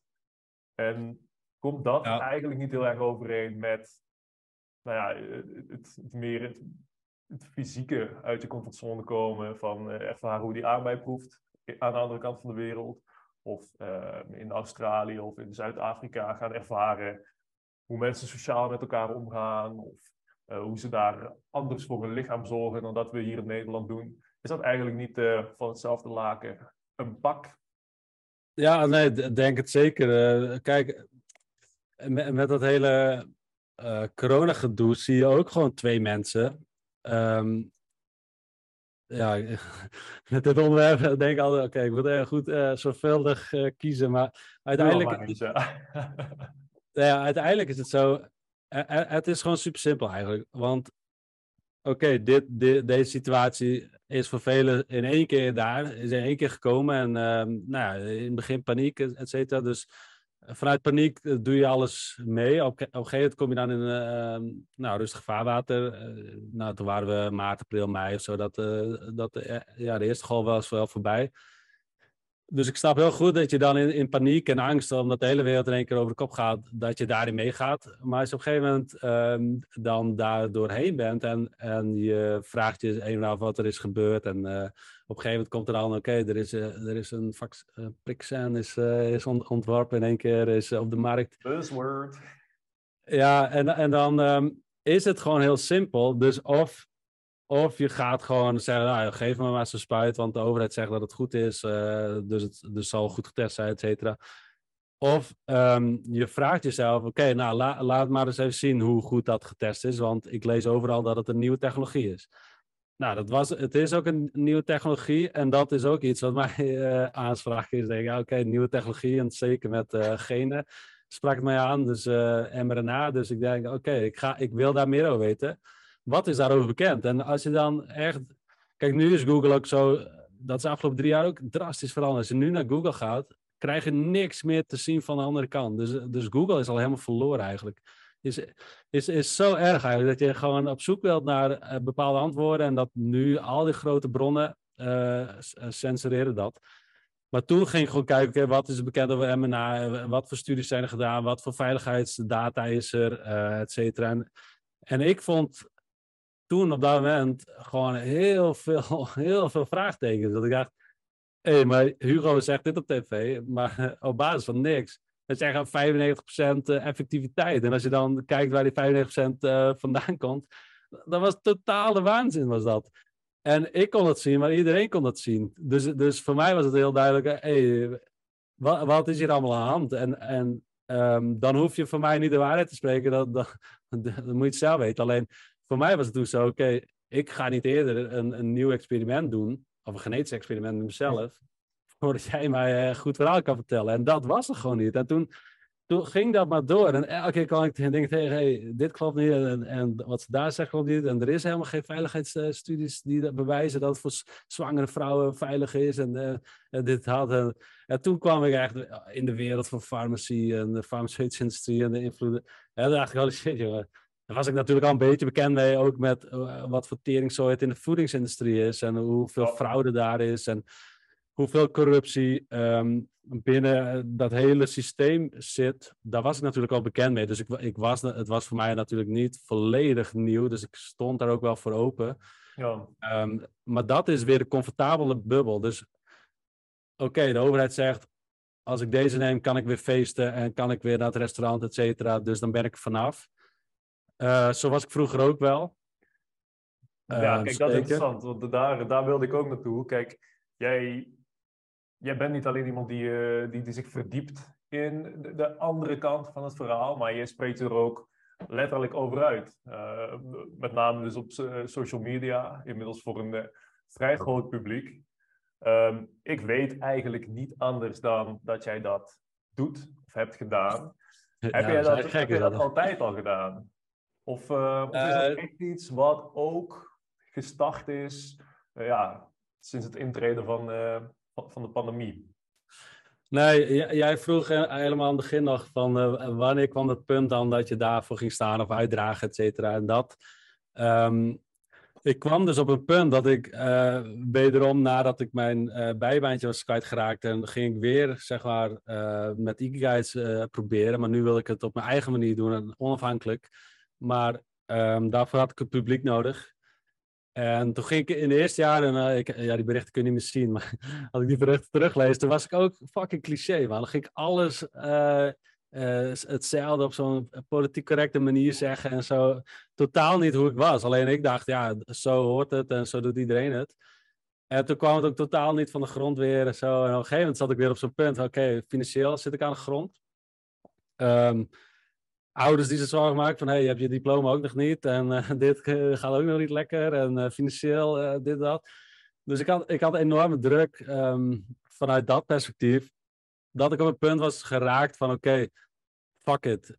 Maakt nu allemaal niks meer uit. Het is nu alles of niks. En um, um, weet je, in het ergste geval kan ik, ik... Ik ben alleen, weet je wel. Ik, ik heb geen kinderen, et cetera. Ik, ik heb niks te verliezen. Ik heb geen huis. Ik, ik, heb, ik bezit niks.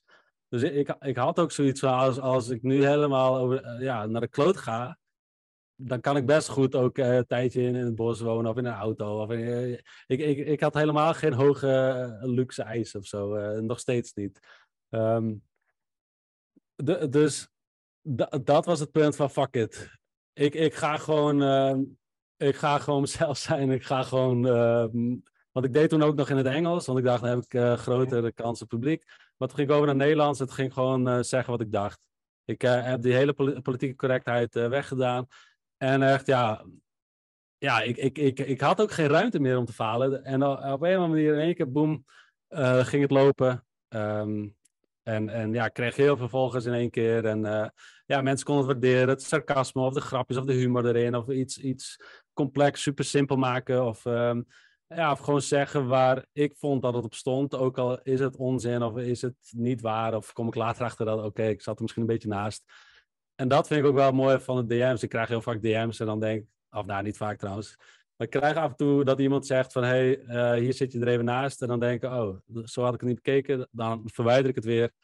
Uh, dat is de feedback die ik dan meeneem vanuit de DM's. Ehm, en dat heb je dan ook nodig. En sindsdien ben ik me eigenlijk wel harder gaan uitspreken, ook over de voeding. Over, um, nou ja, met name voeding zat ik toen echt uh, in. Niet echt farmacie, want ja, dat is, dat is een reus waar je niet uh, tegenop gaat vechten.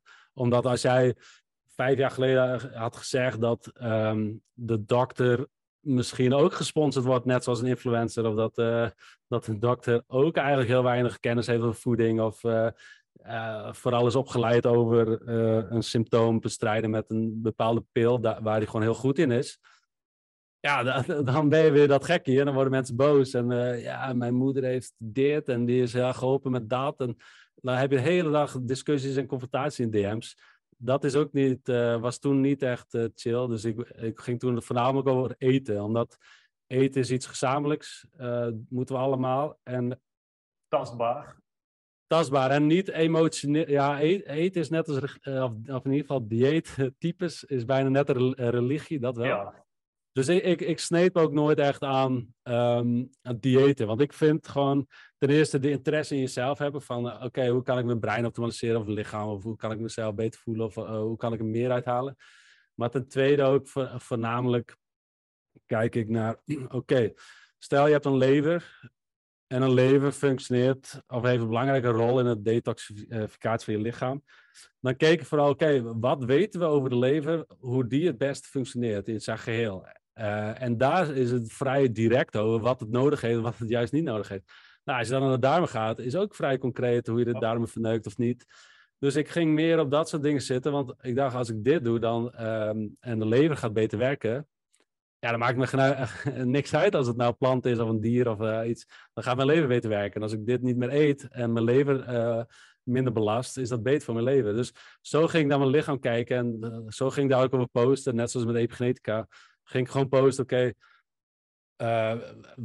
wat is herkenbaar voor jou, wat je nu kunt doen? Of ja, hoe is het herkenbaar in je dagelijks leven dat je denkt, hey, zo heb ik er nooit over nagedacht, dit wil ik ook eens doen. En nou het meest duidelijke is bijvoorbeeld gym of zon. dat je bijvoorbeeld aan de gym gaat en heel veel krachttraining doet en je lichaam grotere spieren maakt, is, is het adaptieve vermogen van je lichaam om grotere spieren te maken, zodat je de nieuwe omgeving, de nieuwe leefomgeving, want je leeft in één keer vaker in een gym waar je dus meer spierkracht nodig hebt, gaat je lichaam grotere spieren maken. En bijvoorbeeld met de huid had ik laatst gepost, uh, we hebben allemaal blanke huid. Oh, nou, oh, nee, dat mag ik ook niet zeggen.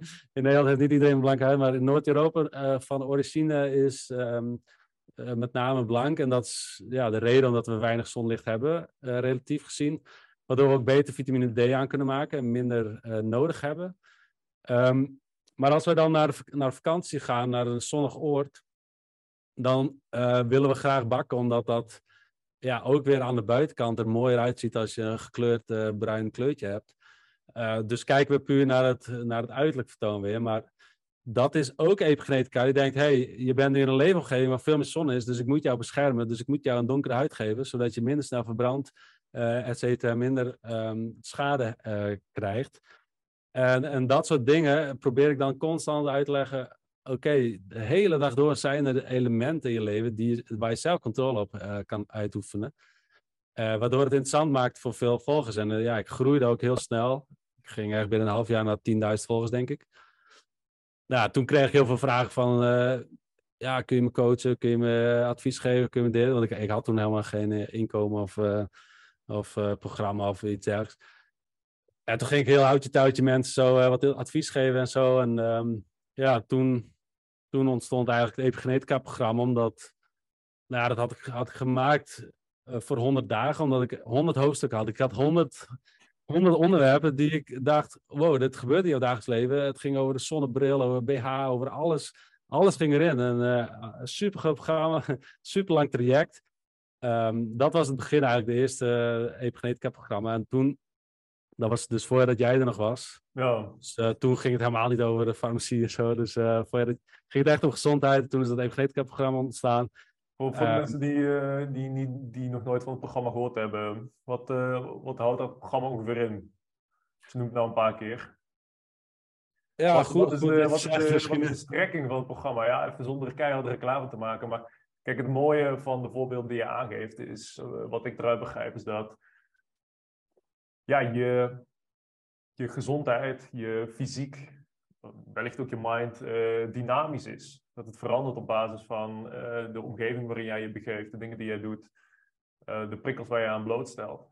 Um, ja. kan, kan iedereen dat principe gebruiken, die epigenetica in zijn eigen voordeel? Oh ja, 100%. Kijk, dus met, met epigenetica is niks meer dat. Oké, okay, ja, aan het alle begin is dat, eh, dat jij wordt geboren met een unieke DNA. En uh, het idee is altijd: oké, je krijgt 50% van je moeder, 50% van je vader. En daar kom jij uit voor. Dus je lijkt een beetje op je moeder, lijkt een beetje op je vader, een beetje gedrag uh, van je vader of de, de nuk van je moeder, et cetera. Uh, en vervolgens, als dan ziektes of diabetes of overgewicht of uh, depressies en zo in de familie bleven, werd verondersteld dat dat kwam omdat jij dat DNA had gekregen. En nu blijkt dat, dat er een, dus een laag boven zit en dat heet epigenetica. En epigenetica is, is niks meer dat jouw genen zich aanpassen aan jouw leefomgeving. En we hebben al leefomgeving al een paar keer genoemd. Leefomgeving is ook eten. Dus als jij een aardbei uh, eet die van binnen wit is, wat betekent dat het geen nutriënten heeft en dus eigenlijk weinig informatie heeft, of je eet een aardbei met heel veel uh, hele donkere rode kleur, met heel veel nutriënten. Dan heeft dat een andere, um, komt het uit een andere leefomgeving of een andere ding dan um, uh, zegt dat iets voor je lichaam over de leefomgeving, waardoor de informatie anders wordt en de nutriënten anders en jouw genexpressie dus ook anders. Uh, leef jij in een stressvolle, stressvolle situatie, dus je hebt geldstress, je hebt nou, hier in Afrika, je hebt stress dat mensen je overvallen, et cetera. Maar je bent zwanger, dan krijgt ehm, je kind de programmering dat, hey, let op, je, je wordt straks geboren in een stressvolle omgeving. En dat is bijvoorbeeld met astma ook zo. Als je, ja, mensen die zwanger zijn worden afgeraden om te roken. Nou, dat is meer omdat je de, de baby de boodschap geeft dat, je, dat de lucht toxic is. Dus en, dat je zo oppervlakkig mogelijk moet ademhalen. Zodat je wel zuurstof binnen kan krijgen, maar zo weinig mogelijk uh, chemicaliën diep in je longen krijgt. Dus dat hele uh, oppervlakkige hyperventilatie is, is dan ook zo'n uh, epigenetisch ding. Dus dieet is dan een, een reden. Um, leefomgeving, zon, geen zon, koud, heet.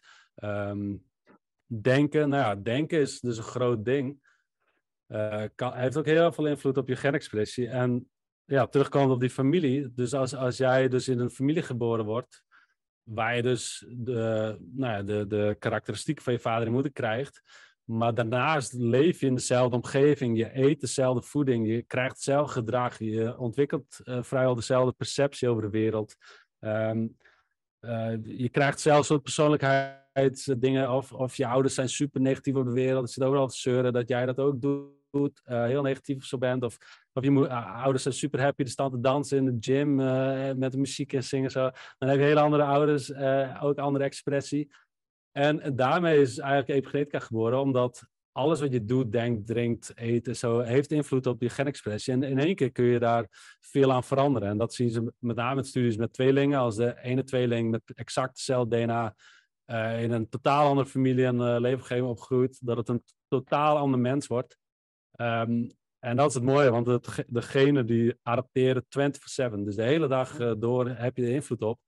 Dus heb je altijd een zekere zin van controle. Um, als je een beetje begrijpt hoe het, wat je allemaal kan doen en hoe het, hoe het allemaal werkt, kun je daar een zekere um, controle over uitoefenen. Dus uh, het makkelijk voorbeeld weer van de gym. Dus je kan kiezen om naar de gym te gaan of niet naar de gym te gaan. Dus als je kiest naar de gym, dan geef je het signaal van: hé, hey, ik wil grotere spieren, want ik kan het gewicht niet tillen wat ik wil tillen. Uh, dat is een signaal die je geeft. Of je blijft op bang hangen en je lichaam hoeft helemaal niet te veranderen. Dus daarmee kun je heel veel signalen geven met voeding, met, met, nou, met hele meute. Daarom had ik ook honderd uh, onderwerpen, omdat je met zoveel elementen in je leven kun je invloed uitoefenen op hoe je voelt, je energie, je gezondheid, je gewicht. Uh, noem alles maar op, je vitaliteit, maar ook gewoon het geluk in je leven.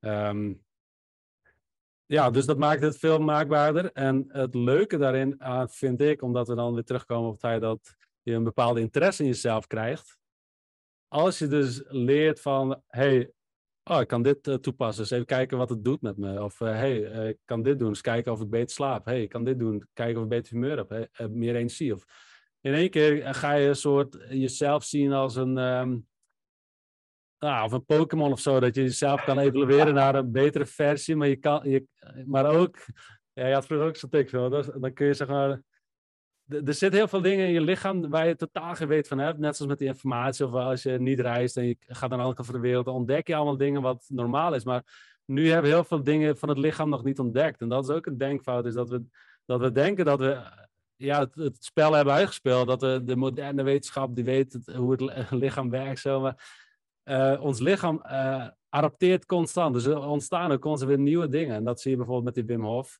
nou ja, ijswater was tot tien jaar, voor tien jaar geleden gewoon, uh, ja, daar moest je kinderen bang voor maken. En, en er was gewoon algemeen bekend dat dat dood betekent. En nu is het gewoon een gezondheidsprogramma om betere gezondheid te maken. En, uh, betere vetverbranding, meer energiehoofd, meer, minder ontstekingen, et cetera. Dus we weten ook heel veel nog niet. En dat, door die interesse te hebben en open te staan, Baba Papa, ja, dat zou... Ja, ik zeggen Baba Papa, die wilde ik ook noemen, ja. ja, dat zou kunnen, maar, maar eh, ja, dat vind ik wel interessant. Dat zie je heel erg bij dieren. Dus als je naar de evolutie van de dieren gaat kijken, van speciale soorten, die, die bijvoorbeeld andere functionaliteiten in hun lichaam krijgen om beter om te kunnen gaan met een vernieuwde leefomgeving. Dus dan krijgen ze bijvoorbeeld een staart, of dan krijgen ze andere mogelijkheden in het lichaam die ook ontstaan door epigenetica. Maar omdat wij super comfortabel zijn, wij, hebben, wij, wij elimineren alle prikkels met airco, met, uh, met kachel, met, met stoel uh, zitten. Met, met alles naar, naar, naar huis laten bestellen, is er geen prikkel meer en, en missen we misschien wel heel veel vette features ehm, die we misschien ehm, nog moeten ontdekken. Dus, dus net zoals ehm, ja, met een bootje de wereld ontvaren en kijken of er nog land ontdekken valt, is, zit in die genetisch, genetische code misschien wel vette features die, die we niet hebben. Want waarom kan een leeuw heel goed uh, in het donker kijken? omdat hij dat nodig heeft om te jagen en te eten. Maar ja, wij niet. Maar wat nou als wij wel... Kijk, dat, dat krijg je met, dat, met die genetische vaccinaties. Of je krijgt met dat CRISPR dat je genetische codes kunt invoeren in je lichaam. En dat CRISPR is al supergoed. Is al wel... Um, uh, is ook interessant. Dus dat, dat heel veel mensen zitten thuis gewoon van die nerds zitten thuis. Die bestellen al het materiaal en die kunnen gewoon op een computer DNA-code schrijven. En vervolgens bij zichzelf eh, DNA eh, proberen. En dat, volgens mij op Netflix heb je wel eens een documentaire. Ik zag zo'n gozer, die had dan, ja, hij is niet echt ethisch, maar die had dan honden en die had hij dan een, een genetische code gegeven van zo'n lichtgevend vliegje of zo. Ah, ja. de, de, naam. Waardoor, ja, die hond die geeft dan nu licht in het donker. Ja, dat kan eigenlijk niet natuurlijk, maar um, er is heel veel mogelijk. Alleen, ja, als wij die genetische codes, uh, dat ja, enorme hoeveelheid informatie wat in die DNA-codes zit, als we daar maar een heel klein beetje van gebruiken nu, ja, dus je die interesse wekt van, wow, misschien zit er nog veel meer. En dat je dan ja, loskomt van die gelimiteerde zelfperceptie, um, dat je gewoon zo bent zoals je nu bent, ja, dan, dan gaan er echt de deuren open. En dan ja, dan ben je nooit uitgeleerd, maar dan, dan ben je ook nooit meer verveeld. Omdat dan in één keer kun je gewoon vet veel dingen doen. Ja, ja dat is het mooie van epigenetica. Hè? Als je puur naar onze genen kijkt, dus ons DNA, dan zijn we voor 99, zoveel procent identiek aan elkaar. Ja. Maar als je van de buitenkant naar eh, de mensen om je heen gaat kijken, dan zie je dat je wel degelijk extreem verschilt niet alleen qua uiterlijk, maar ook qua capaciteiten, qua talenten, qua de manier waarop je denkt. Dus al die variatie, die zit hem in dat epigenetische stuk. En ja. ja, juist dat epigenetische stuk, dat zit zo boordevol verschillende mogelijkheden. En op dit moment laat jij slechts een, een, fractie van die mogelijkheden zien. Want er zitten nog zoveel meer epigenetische mogelijkheden op, op jouw hele uh, ja, op jouw hele uh, zeg je het, arsenaal aan, aan potentie. En ja, ja dat, dat, dat is dus eigenlijk het interessante van zelfontdekking en buiten die comfortzone gaan. Je laat steeds andere stukjes uit jouw epigenetisch potentieel naar voren komen. Waardoor je wel eens um, ja, interessante ontdekkingen kan doen.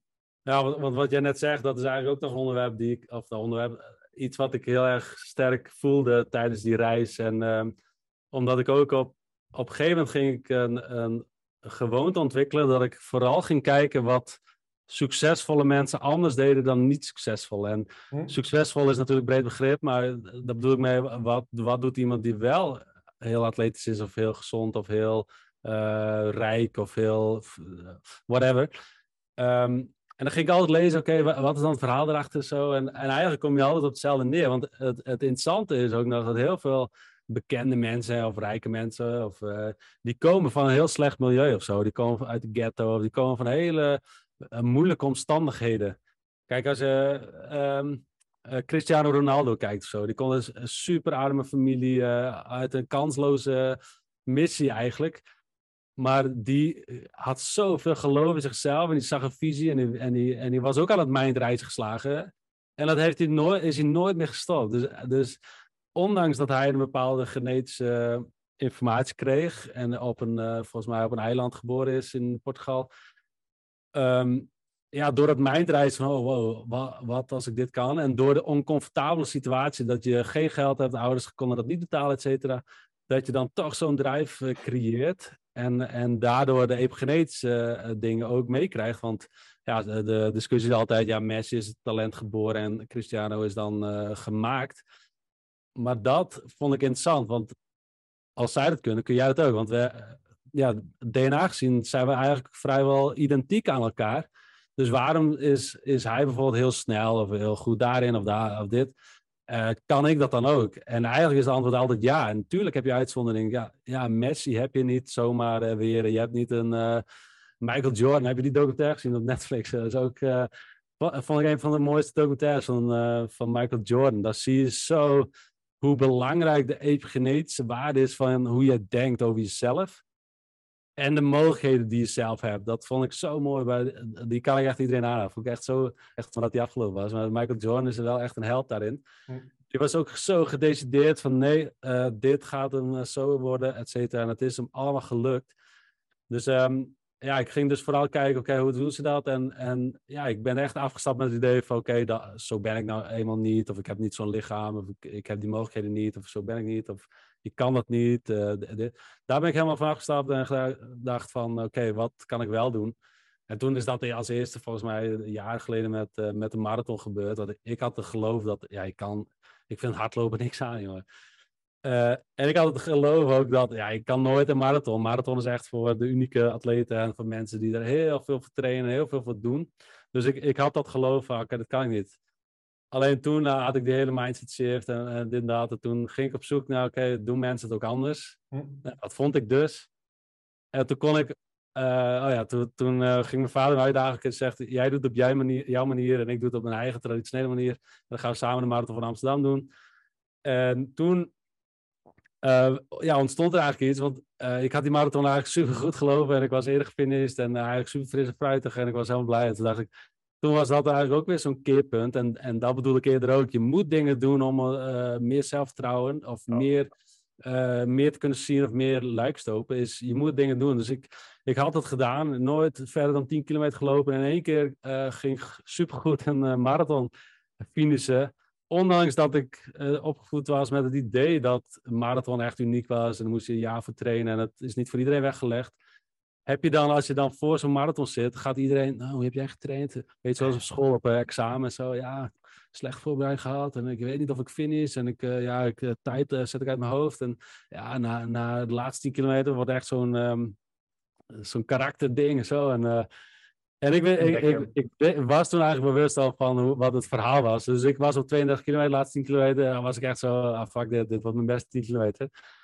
En dat werd het ook. Dus die, die laatste 10 kilometer waren voor mij helemaal niet de, de slechtste. Maar goed, als je de marathon ingaat en je denkt, oh, de laatste 10 kilometer, oh, die, die worden echt heel zwaar. Die worden heel pittig. Ja, dan worden wordt dat ook heel pittig. Dus, eh, dus dat was voor mij, toen ik finiste, uh, was voor mij ook echt zo, oké, fuck dit. Nu kan ik inderdaad veel meer en ik ga kijken, oké, veel meer doen ook en veel meer ervaren. En toen ging ik me ook steeds op, op grotere afstanden inschrijven. En elke keer dacht ik bij de finish, oké, ik ben wel naar de kloten, maar ik zou wel meer kunnen als het moet. Dus um, ja, uiteindelijk ging ik dan uh, inschrijven. Ik weet wel, ik had mijn broertje meegesleept. Die zei, zorg ons gewoon inschrijven voor 105 kilometer totale waanzin, want er was nog maar een paar maanden voorbereiding. Maar wij waren eigenlijk, eigenlijk zoveel zelfvertrouwen dat ik dacht, nou fuck it, dat doe ik ook wel. Um, maar tot, ik, had uh, ja, totaal onvoorbereid eigenlijk. Ons geluk was uiteindelijk dat, dat hij op 70 kilometer werd gestaakt door extreme weersomstandigheden. Maar dat vertrouwen om je toch in te schrijven 105 kilometer, ja, dat is alleen maar ontstaan omdat ik mezelf in zo'n situatie als de marathon had gezet. En denk van oké, dus, dus dat is ook weer een belangrijke. Dus ik, ik vraag me af of, uh, of we die andere vragen eigenlijk wel volledig hebben beantwoord over uh, die eerste stappen. Want er zijn zoveel stappen die we de afgelopen uh, bijna twee uur al behandeld hebben, die, die een rol spelen. Want ook als jij bijvoorbeeld wel wil, maar je hebt niemand in je omgeving. Kijk, dat is met, met die vaccinaties bijvoorbeeld. Jij denkt eigenlijk van, ja, ik wil het helemaal niet. Maar iedereen op het werk zit jou uh, te poesen thuis. Ja, ja, je bent gek, dat doe je toch wel. En ja, is al veilig. Of wat ben je egoïstisch? Of ja, je, je vermoordt. of nou, door jou hebben we nog maatregelen. Zo. Hele tijd dat soort gepoes. Maar als je dan alleen staat. Ja, dan moet je wel van ja, dan moet je wel goed in je schoenen staan en dat allemaal kunnen weerstaan. Ja. En dat hebben de meeste mensen niet kunnen weerstaan. En dat komt dus omdat in Nederland kun je niet afwijken van de massa. En dat is een super moeilijk element die ik ook gehad heb met voeding, met, met alles wat ik deed. Uh, moet je daar ook tegen bestand zijn. En als je dan niet stevig staat, wat ik in het begin ook niet deed. Ik had geen financiën, ik had geen netwerk, ik had niks. Dus ik was heel gevoelig voor de meningen toe veranderen. Dan is het ook makkelijker om, om, om alles maar te laten leren. Denken, ah, ik ga wel mee met de massa. En daar laat je zoveel potentie liggen in je leven. En dat is echt zo zonde. Uh, maar je weet niet wanneer het punt komt dat je denkt, ha, ik heb het doorstaan, maar ik, ik heb de goede keuze gemaakt en ik, en ik heb naar mezelf geluisterd ik, ik, en dat soort dingen. Dat, je weet niet wanneer dat moment komt. Dus het kan, kan zes maanden zijn, maar het kan ook drie jaar zijn. En, en ja, dat moet je wel tegen kunnen. Daarom is het uh, netwerk zo belangrijk. Als je mensen om je heen verzamelt die, die jou daar ondersteunen en uh, die jou wel begrijpen of wel motiveren of wel zeggen, hey, je, nou ja, ze, hoeven het niet eens te begrijpen, weet je wel. Maar als jij het niet begrijpt, maar je bent wel zo'n dikke lul dat je tegen iemand zegt, oké, ik begrijp het eigenlijk niet, maar ik vind het een kut idee. Uh, je zou beter iets anders kunnen doen. Ah, er is geen geld te verdienen. Ah, dit kan niet. Ah, wat een dom idee. Ja, dat vind ik zo, vind ik zo beperkend ook van uh, ja, Nederland wel. Omdat je zo iemand die echt super enthousiast is over een idee of zo, meteen de grond in trapt. En daardoor heel veel zaadjes niet geplant worden. En dat is wel echt een. Um... Ja, ik, ik denk dat dit het element is waar de meeste mensen tegenaan lopen, die wel uit bepaald um, uit een bepaalde verzameling van patronen willen komen of uit een bepaalde sleur willen breken. Maar ze worden tegengehouden door hun omgeving. Hoe, um, hoe, hoe omring je je met mensen die passen bij het leven dat je wil leven? Uh, nou, de eerste logische stap wat ik deed was me helemaal onttrekken van die mensen. En dat is, is een lange tocht geweest, wat, wat mij ook, uh, ja, ik ben ook veel door kwijtgeraakt, veel vrienden ook, et cetera. En uh, eigenlijk mijn hele thuis ben ik kwijtgeraakt door dat gedrag. Ook de connectie met vrienden of familie en zo, omdat ik, ik heb me totaal daar uh, weggehaald, omdat ik voelde gewoon dat ik gewoon werd tegengehouden en ik, ik niet kon doen wat ik wilde, omdat ik steeds naar dat soort mensen ging luisteren en dat die constant iets zeiden erover. Dus ik ging veel meer reizen. Ik ging, uh, het was eigenlijk uh, ja, veel vluchten daarvoor. Want als ik gewoon in, in nieuwe omgeving kwam, ehm, of nieuwe landen, nieuwe hostels, dan waren mensen altijd, want andere backpackers die staan ook open voor dingen. Dus als jij komt van, oh ik ga dit doen, dan zeggen ze, oh wat interessant, kun je wat meer over vertellen? Dat is een hele andere insteek als je aan de stamtafel in de kantine zit en zegt, hé, hey, ga dit doen. Wat een dom idee. En dan krijg je dat. Dus dat is een totaal andere uh, ding. Dus voor mij werkt het veel beter om uh, ver weg te zijn. Omdat ik dan veel meer mensen om me had die ook open stonden voor nieuwe ervaringen en zo.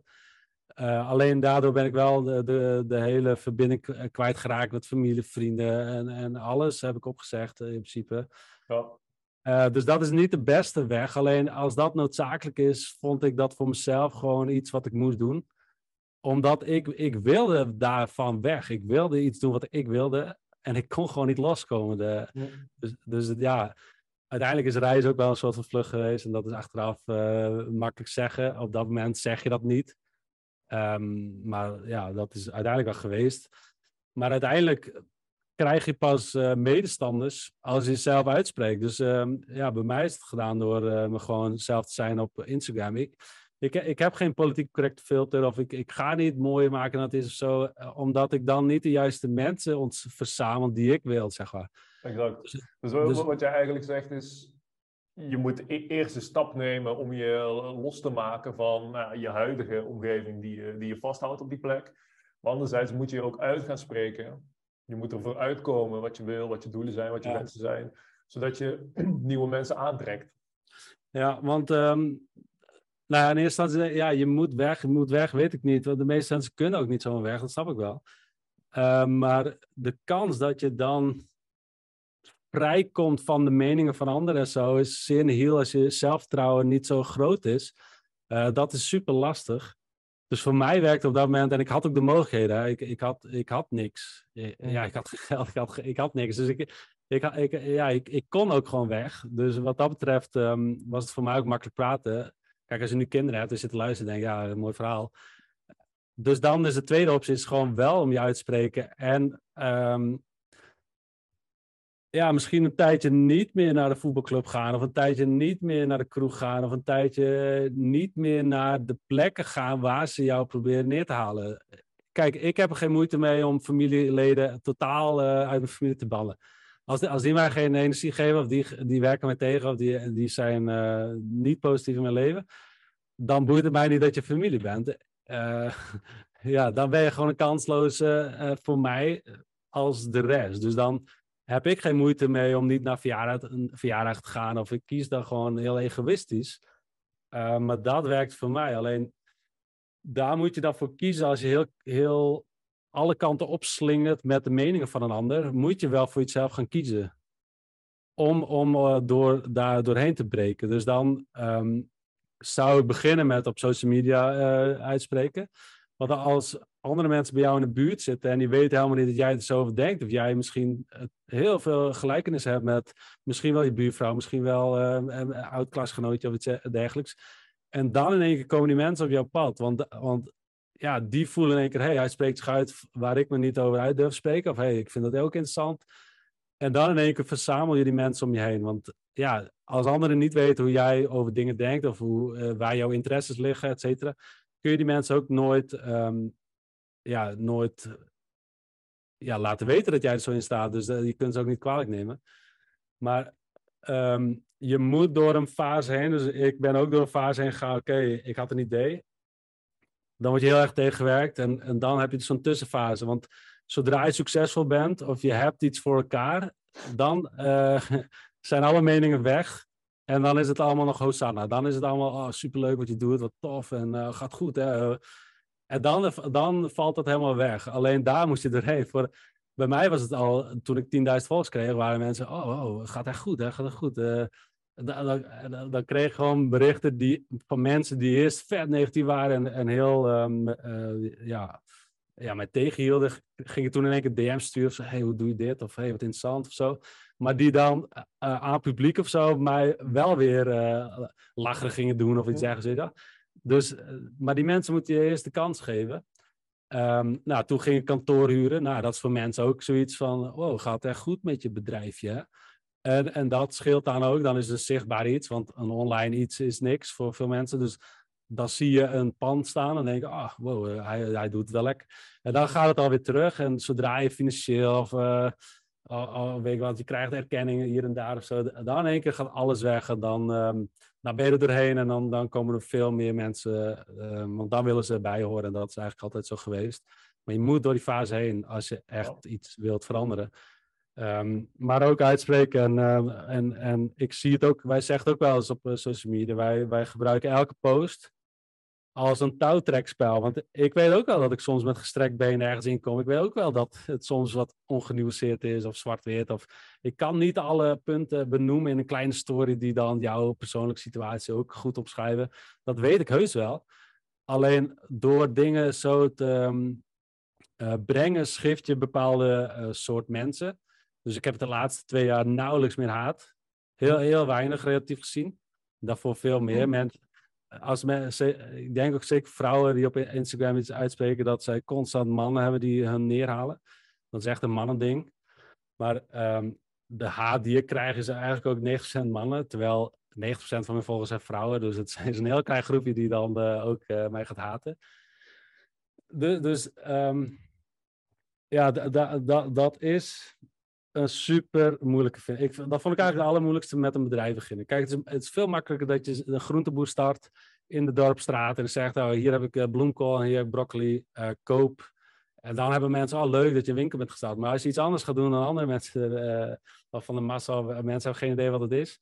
Ja, dan krijg je heel veel weerstand. En zeker ook als, het, als je los wil komen van hun. En ik heb geen kritiek hoor. Ik had, vroeger had ik heel veel kritiek daarop.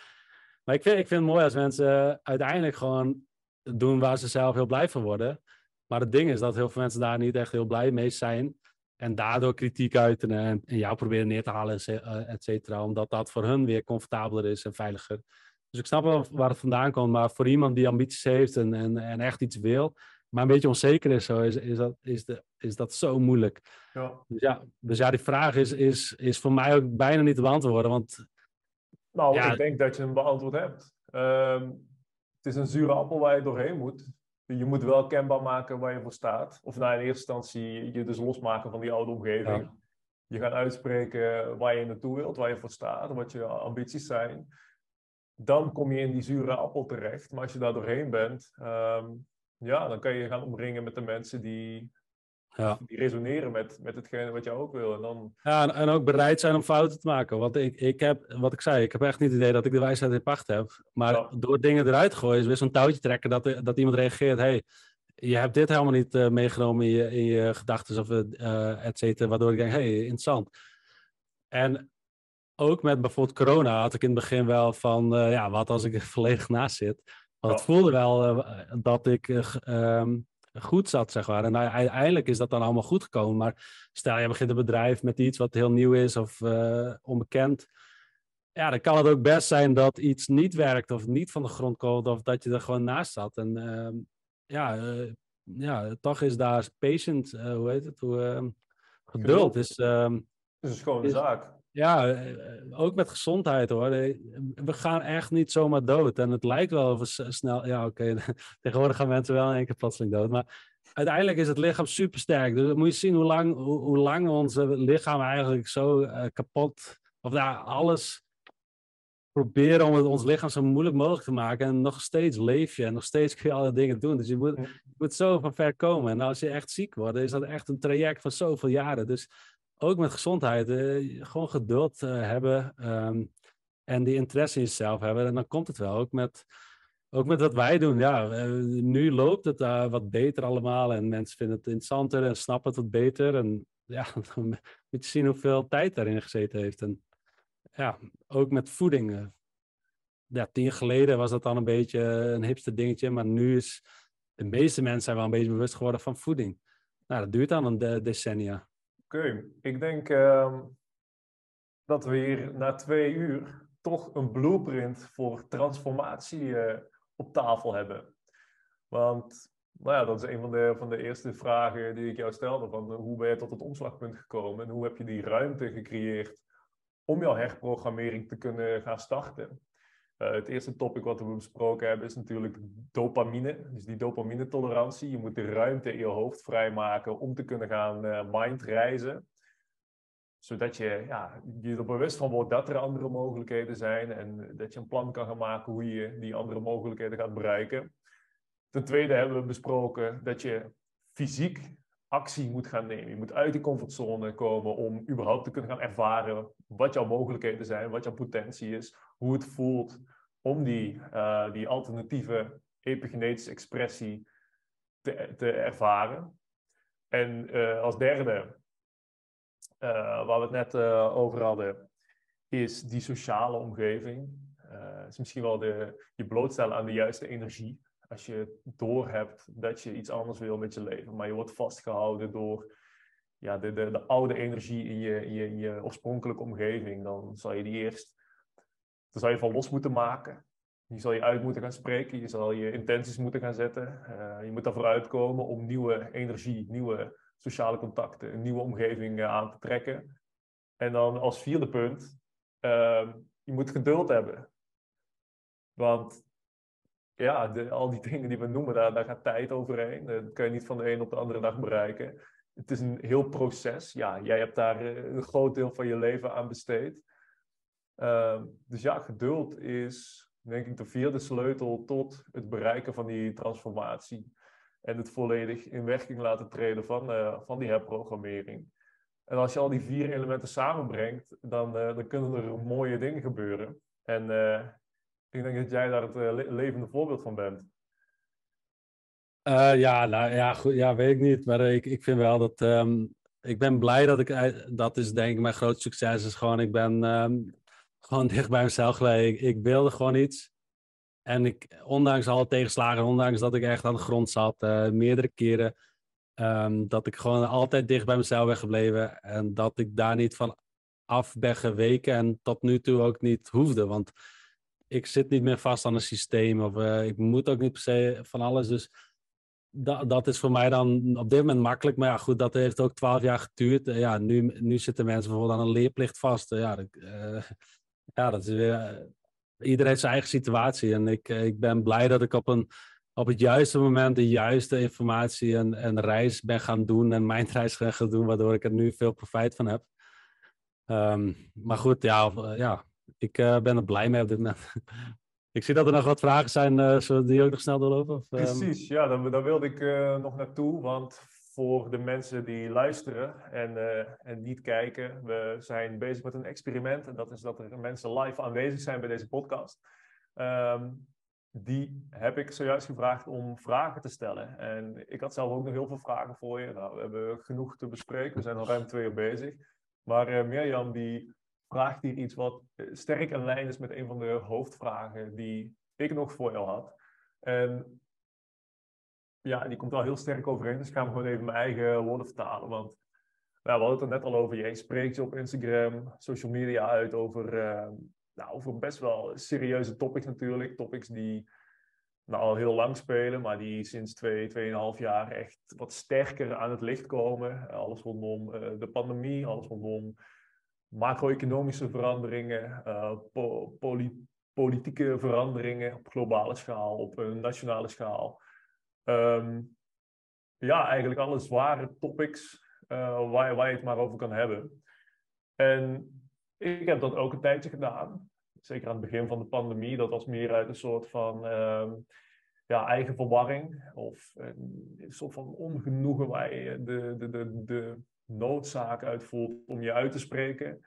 Uh, misschien ook al bepaalde dingen een plekje te geven. Op een gegeven moment heb ik voor mezelf besloten dat ik me niet wilde richten op nou, alles wat er gebeurde, maar vooral wilde focussen op het, uh, het, bouwen aan hetgene waar wij mee bezig zijn. Dus ja, ik heb ervoor gekozen mijn focus te shiften.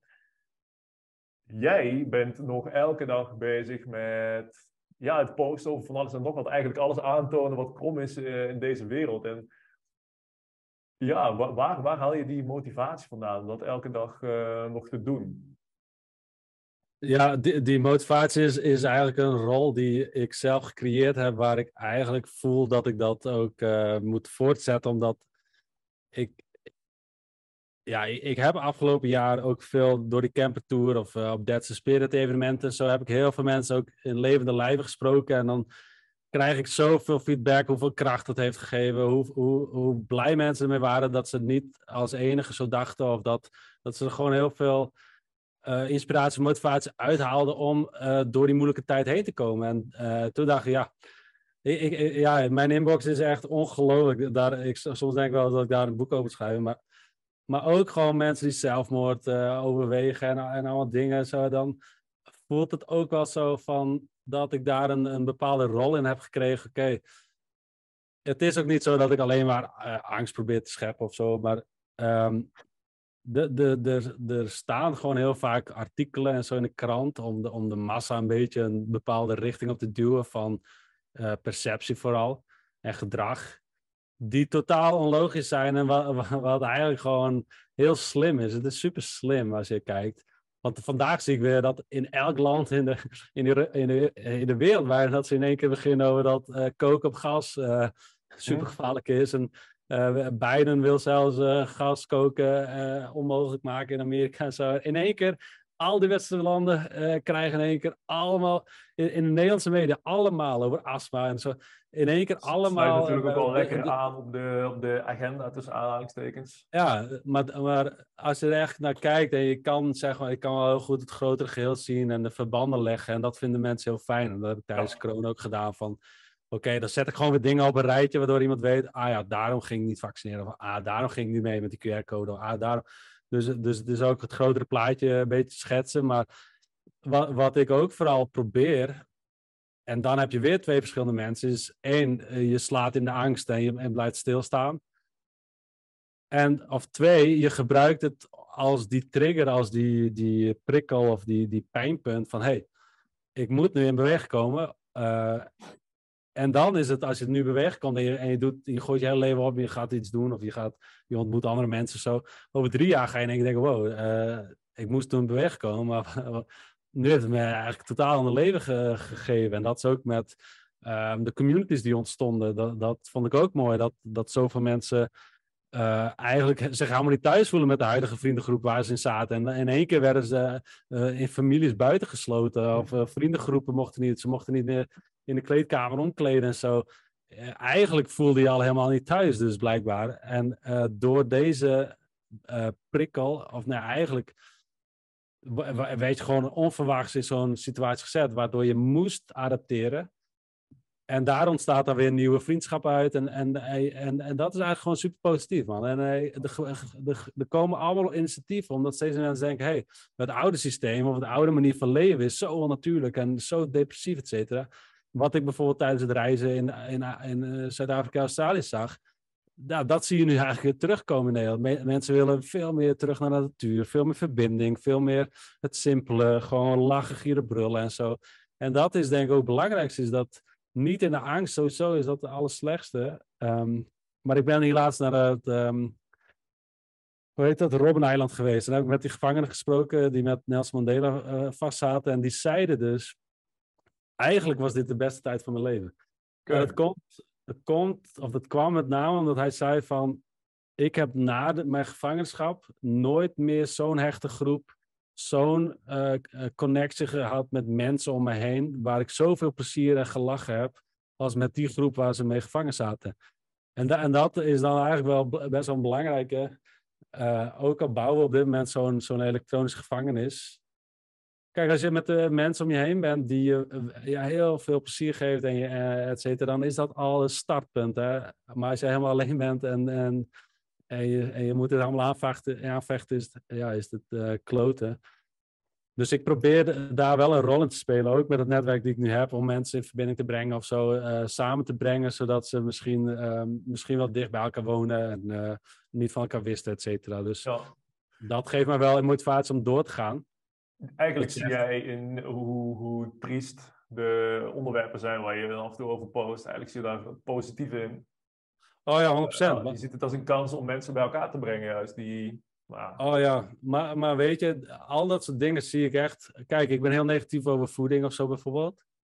Maar wat het resultaat van is, is dat steeds meer mensen denken: oké, ik wil wat meer grasgevoerd vlees eten. Of ik wil um, wat orga meer organische groenten eten. En in één keer komt daar meer vraag naar. En dus ook meer aanbod en zo. En dan groeit het langzaam. En dan kost het weer tien jaar, maar daardoor groeit het wel. En dan lijk ik heel negatief over voeding. Uh, en dan wil ik jou geen angst aanpraten dat jij uh, super ziek wordt. Want um, dat kan. Maar dat is niet mijn doel. Mijn doel is eigenlijk het positieve. Dat, je, dat we met z'n allen stappen gaan zetten. Zodat zo zou ik er ook van profiteren. Als er veel mogelijkheden zijn voor mij om naar de, allemaal goede, goed eten te krijgen, is dat helemaal top. Wat ik hier in Kaasel ook heb. Allemaal van die mooie marktjes eh, rechts is van de boer en zo. Rauw melk en grasvoedvlees zo. En, en ook nog betaalbaar. Dat is ook helemaal top vergeleken in Nederland natuurlijk. Oh. Dus ja, het is zeker positief. Maar ik kan heel goed begrijpen dat mensen uh, ja, in de angst schieten. Um, Maar goed, da da daar um, kan ik weinig mee. Eigenlijk. Want ja, dat, dat is gewoon natuur. Je, je, je hebt een stressfactor. Je moet in beweging komen. En ja, degene die dat doet, die doet dat. En um, ja, de natuur eet gewoon op wat, ja, wat, niet, wat niet in beweging komt. Wat niet adapteert. Dat, dat, dat kan, daar kan ik niks aan doen. En, uh... nee, dat, uh, kijk. Maar dan kun je beter niks weten. Wat, wat iedereen individueel moet nemen. Uh, een stukje van verantwoordelijkheid nemen, is dat denk ik. Ja, dus ja. Ehm, over... positieve moet overwinnen gewoon. Daarom ga je gewoon door.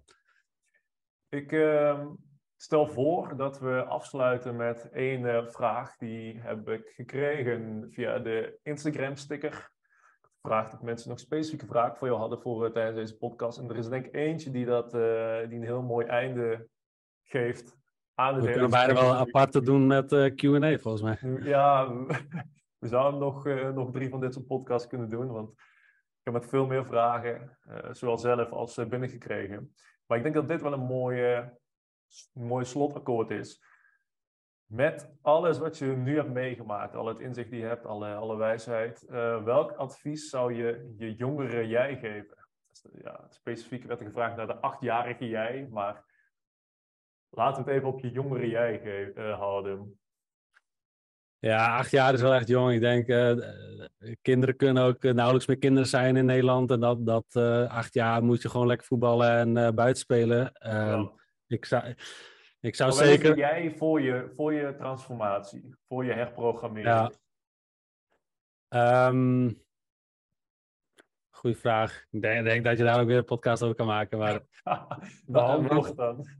Nou ja, ja wat, wat, wat mij is, het meeste heeft geholpen is gewoon de, um, nou ja, dat mindreizen. Dus uh, in eerste instantie de, de mogelijkheden zien en dan ook dat kunnen koppelen naar jezelf. Dat je die mogelijkheden die je bij anderen ziet en leest, dat, dat jij ook dingen kan doen die jij wilt. En dan moet je niet kopiëren, je moet niet een influencer, influencer willen zijn.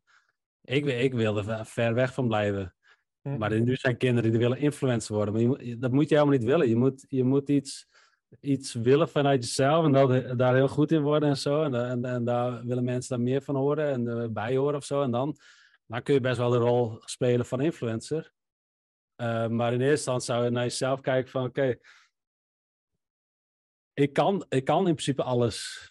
Of ja, nu nog niet, maar ik zou het wel kunnen. En alles wat er op mijn leven op, op mijn pad komt, dan deal ik daar wel mee. Ook met tegenslagen zo. En, en ja, die mindset zwift dankzij het reizen en dan, dankzij het lezen, dankzij het experimenteren. Um, ja, is dat gewoon um, ja, uitgelopen tot deze uh, hobby. en um, ook, ook financiën. Uh, ja, alles, alles is gewoon. Jij kan het ook. Alleen ja, het zelfvertrouwen creëer je door uh, dingen te doen en te proberen en, en daar verder op te bouwen. En ja, dat zou ik als jongen wel willen weten. Want het, het probleem was met mij in de jongere tijd. Ik dacht gewoon altijd dat het is, de wereld is zoals het is. En ik speel mijn rol daarin. En um, ook mijn lichaam ja, dit is zoals het is, et cetera. Dus met die mindset ging ik naar school. Ik, ik, ging echt niet naar gym eh, op school om te denken dat ik een ja, betere uh, lichaam zou krijgen. Ik ging erheen, oké, oké, je moet piepjes test. Nou, dan deed ik dat omdat ik dat kon. Maar niet omdat ik dacht, oh, ik wil betere conditie. Ik, ik, ik ging niet met zo'n idee naar school. Dat ik dacht, ah, ik, ik, leer nu iets om mijzelf te verbeteren of zo. Ik ging alleen maar naar school, ah, oké, ja, ik, ik moet dit weten omdat ik straks uh, moet werken en geld verdienen. dus ja, wij wel treurig. Maar dat zou ik gewoon willen weten als kind. Dat je, dat, uh, ja, dat, dat, dat je dicht bij jezelf kan blijven en dat, dat die creativiteit die je in je hebt en die, en die levensenergie die eruit wordt geslagen door uh, de manier waarop we leven, de onnatuurlijke manier waarop we leven en met elkaar omgaan, die wordt er echt uitgeslagen. En dat duurt zo lang voordat je dat weer terug kan vinden, uh, creëren. Dus dat, dat uh, ja, ik kan ook niet meer kwalijk nemen hoor. Kijk, als je opgroeit in een omgeving waar iedereen zoiets doet. En mijn ouders deden ook gewoon hun best. Best intenties en ik heb de best mogelijke achtergrond. Dus dus daar, daar, daar kun je niks van zeggen.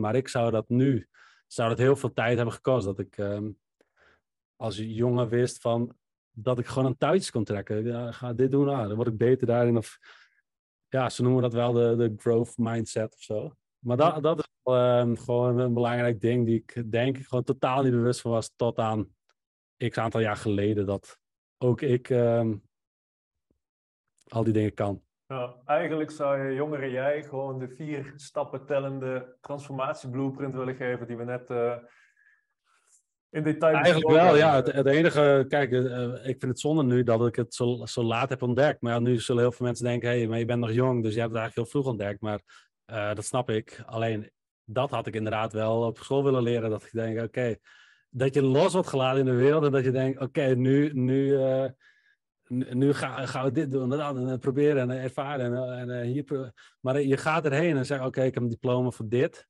En dan ga je een baan zoeken voor dat. En dan probeer je daar zo lang mogelijk te zitten. Nou, na tien jaar denk je, nou, ik wil toch iets anders. Dan ga je daar weer tien jaar zitten of zo. Um, ja, dat is niet echt uh, exciting of zo. Maar als, als klein kind uh, ga je uh, hutten maken, ga je oorlog spelen, ga je allemaal creatieve dingen doen met vrienden en, en plezier. En op een gegeven moment, ik weet ook wel dat mijn moeder zei, toen ging ik naar de middelbare school volgens mij, toen zei ze, ja, het is nu wel een beetje klaar met, um, met dat vlierenfluiten. Nu moet je huiswerk maken, nu moet je dit, zo. Dat echt daar gewoon shit, wat, uh, wat gaan we nu doen dan? En ja, ja, vanaf de middelbare school ben ik ook echt in die zombie-mode geraakt. Ja, als mensen mij um, mijn klasgenoten op middelbare school en op het HBO, die zullen mij totaal niet meer herkennen. En um, ik was echt zombie mode. Ik was ook uh, super brain fog. Ik was totaal niet aanwezig. Al die dingen. Dus um, ja, dat, dat had ik wel eerder allemaal willen, willen weten, ja. Maar ja, zo is het leven. Zo is het leven. Um, ik denk uh, nou, dat dat inderdaad een mooi slotakkoord was. Um, ja, heb jij nog een uh, laatste boodschap? Of heb jij alles gezegd wat je wilde zeggen? Oh nee, nog lang niet. Maar eh, ja, ik, ik, ik zie dus nu ook de chat en daar staan ook allemaal nog dingen in. Dus ja, ja ik denk, denk dat er twee in de maak is. Misschien moeten we een 2.0 organiseren binnenkort. Maar dan denk ik, dat dit een heel mooi begin was, met ook een mooi einde. Laten we de luisteraars bedanken. Natuurlijk ook degenen die live uh, aanwezig waren bij deze podcast. Wellicht dat we dat in de toekomst met meerdere podcasts gaan doen. de mogelijkheid geven om er live bij te zijn, live vragen te stellen. Um, nou, dat ga je natuurlijk van ons horen als we dat erin houden. Verder iedereen die deze podcast luistert via YouTube of Spotify, enorm bedankt voor het luisteren. Uh, like de podcast even, comment, uh, geef me een review op Spotify. Dat helpt ons enorm om deze podcast aan een groter publiek te kunnen uh, tentoonspreiden. Ja, en dan voor nu eh, nog een hele fijne dag en tot de volgende. Yes, dank iedereen die er was ook wel bijzonder dat jullie uh, nu 2,5 uur uh, naar mij zitten luisteren. Ja. Nou, wie weet komt er nog, nog een keer 2,5 uur bovenop. Ja. Tot naar de volgende. Oké, okay, bedankt. Thanks. Doei doei.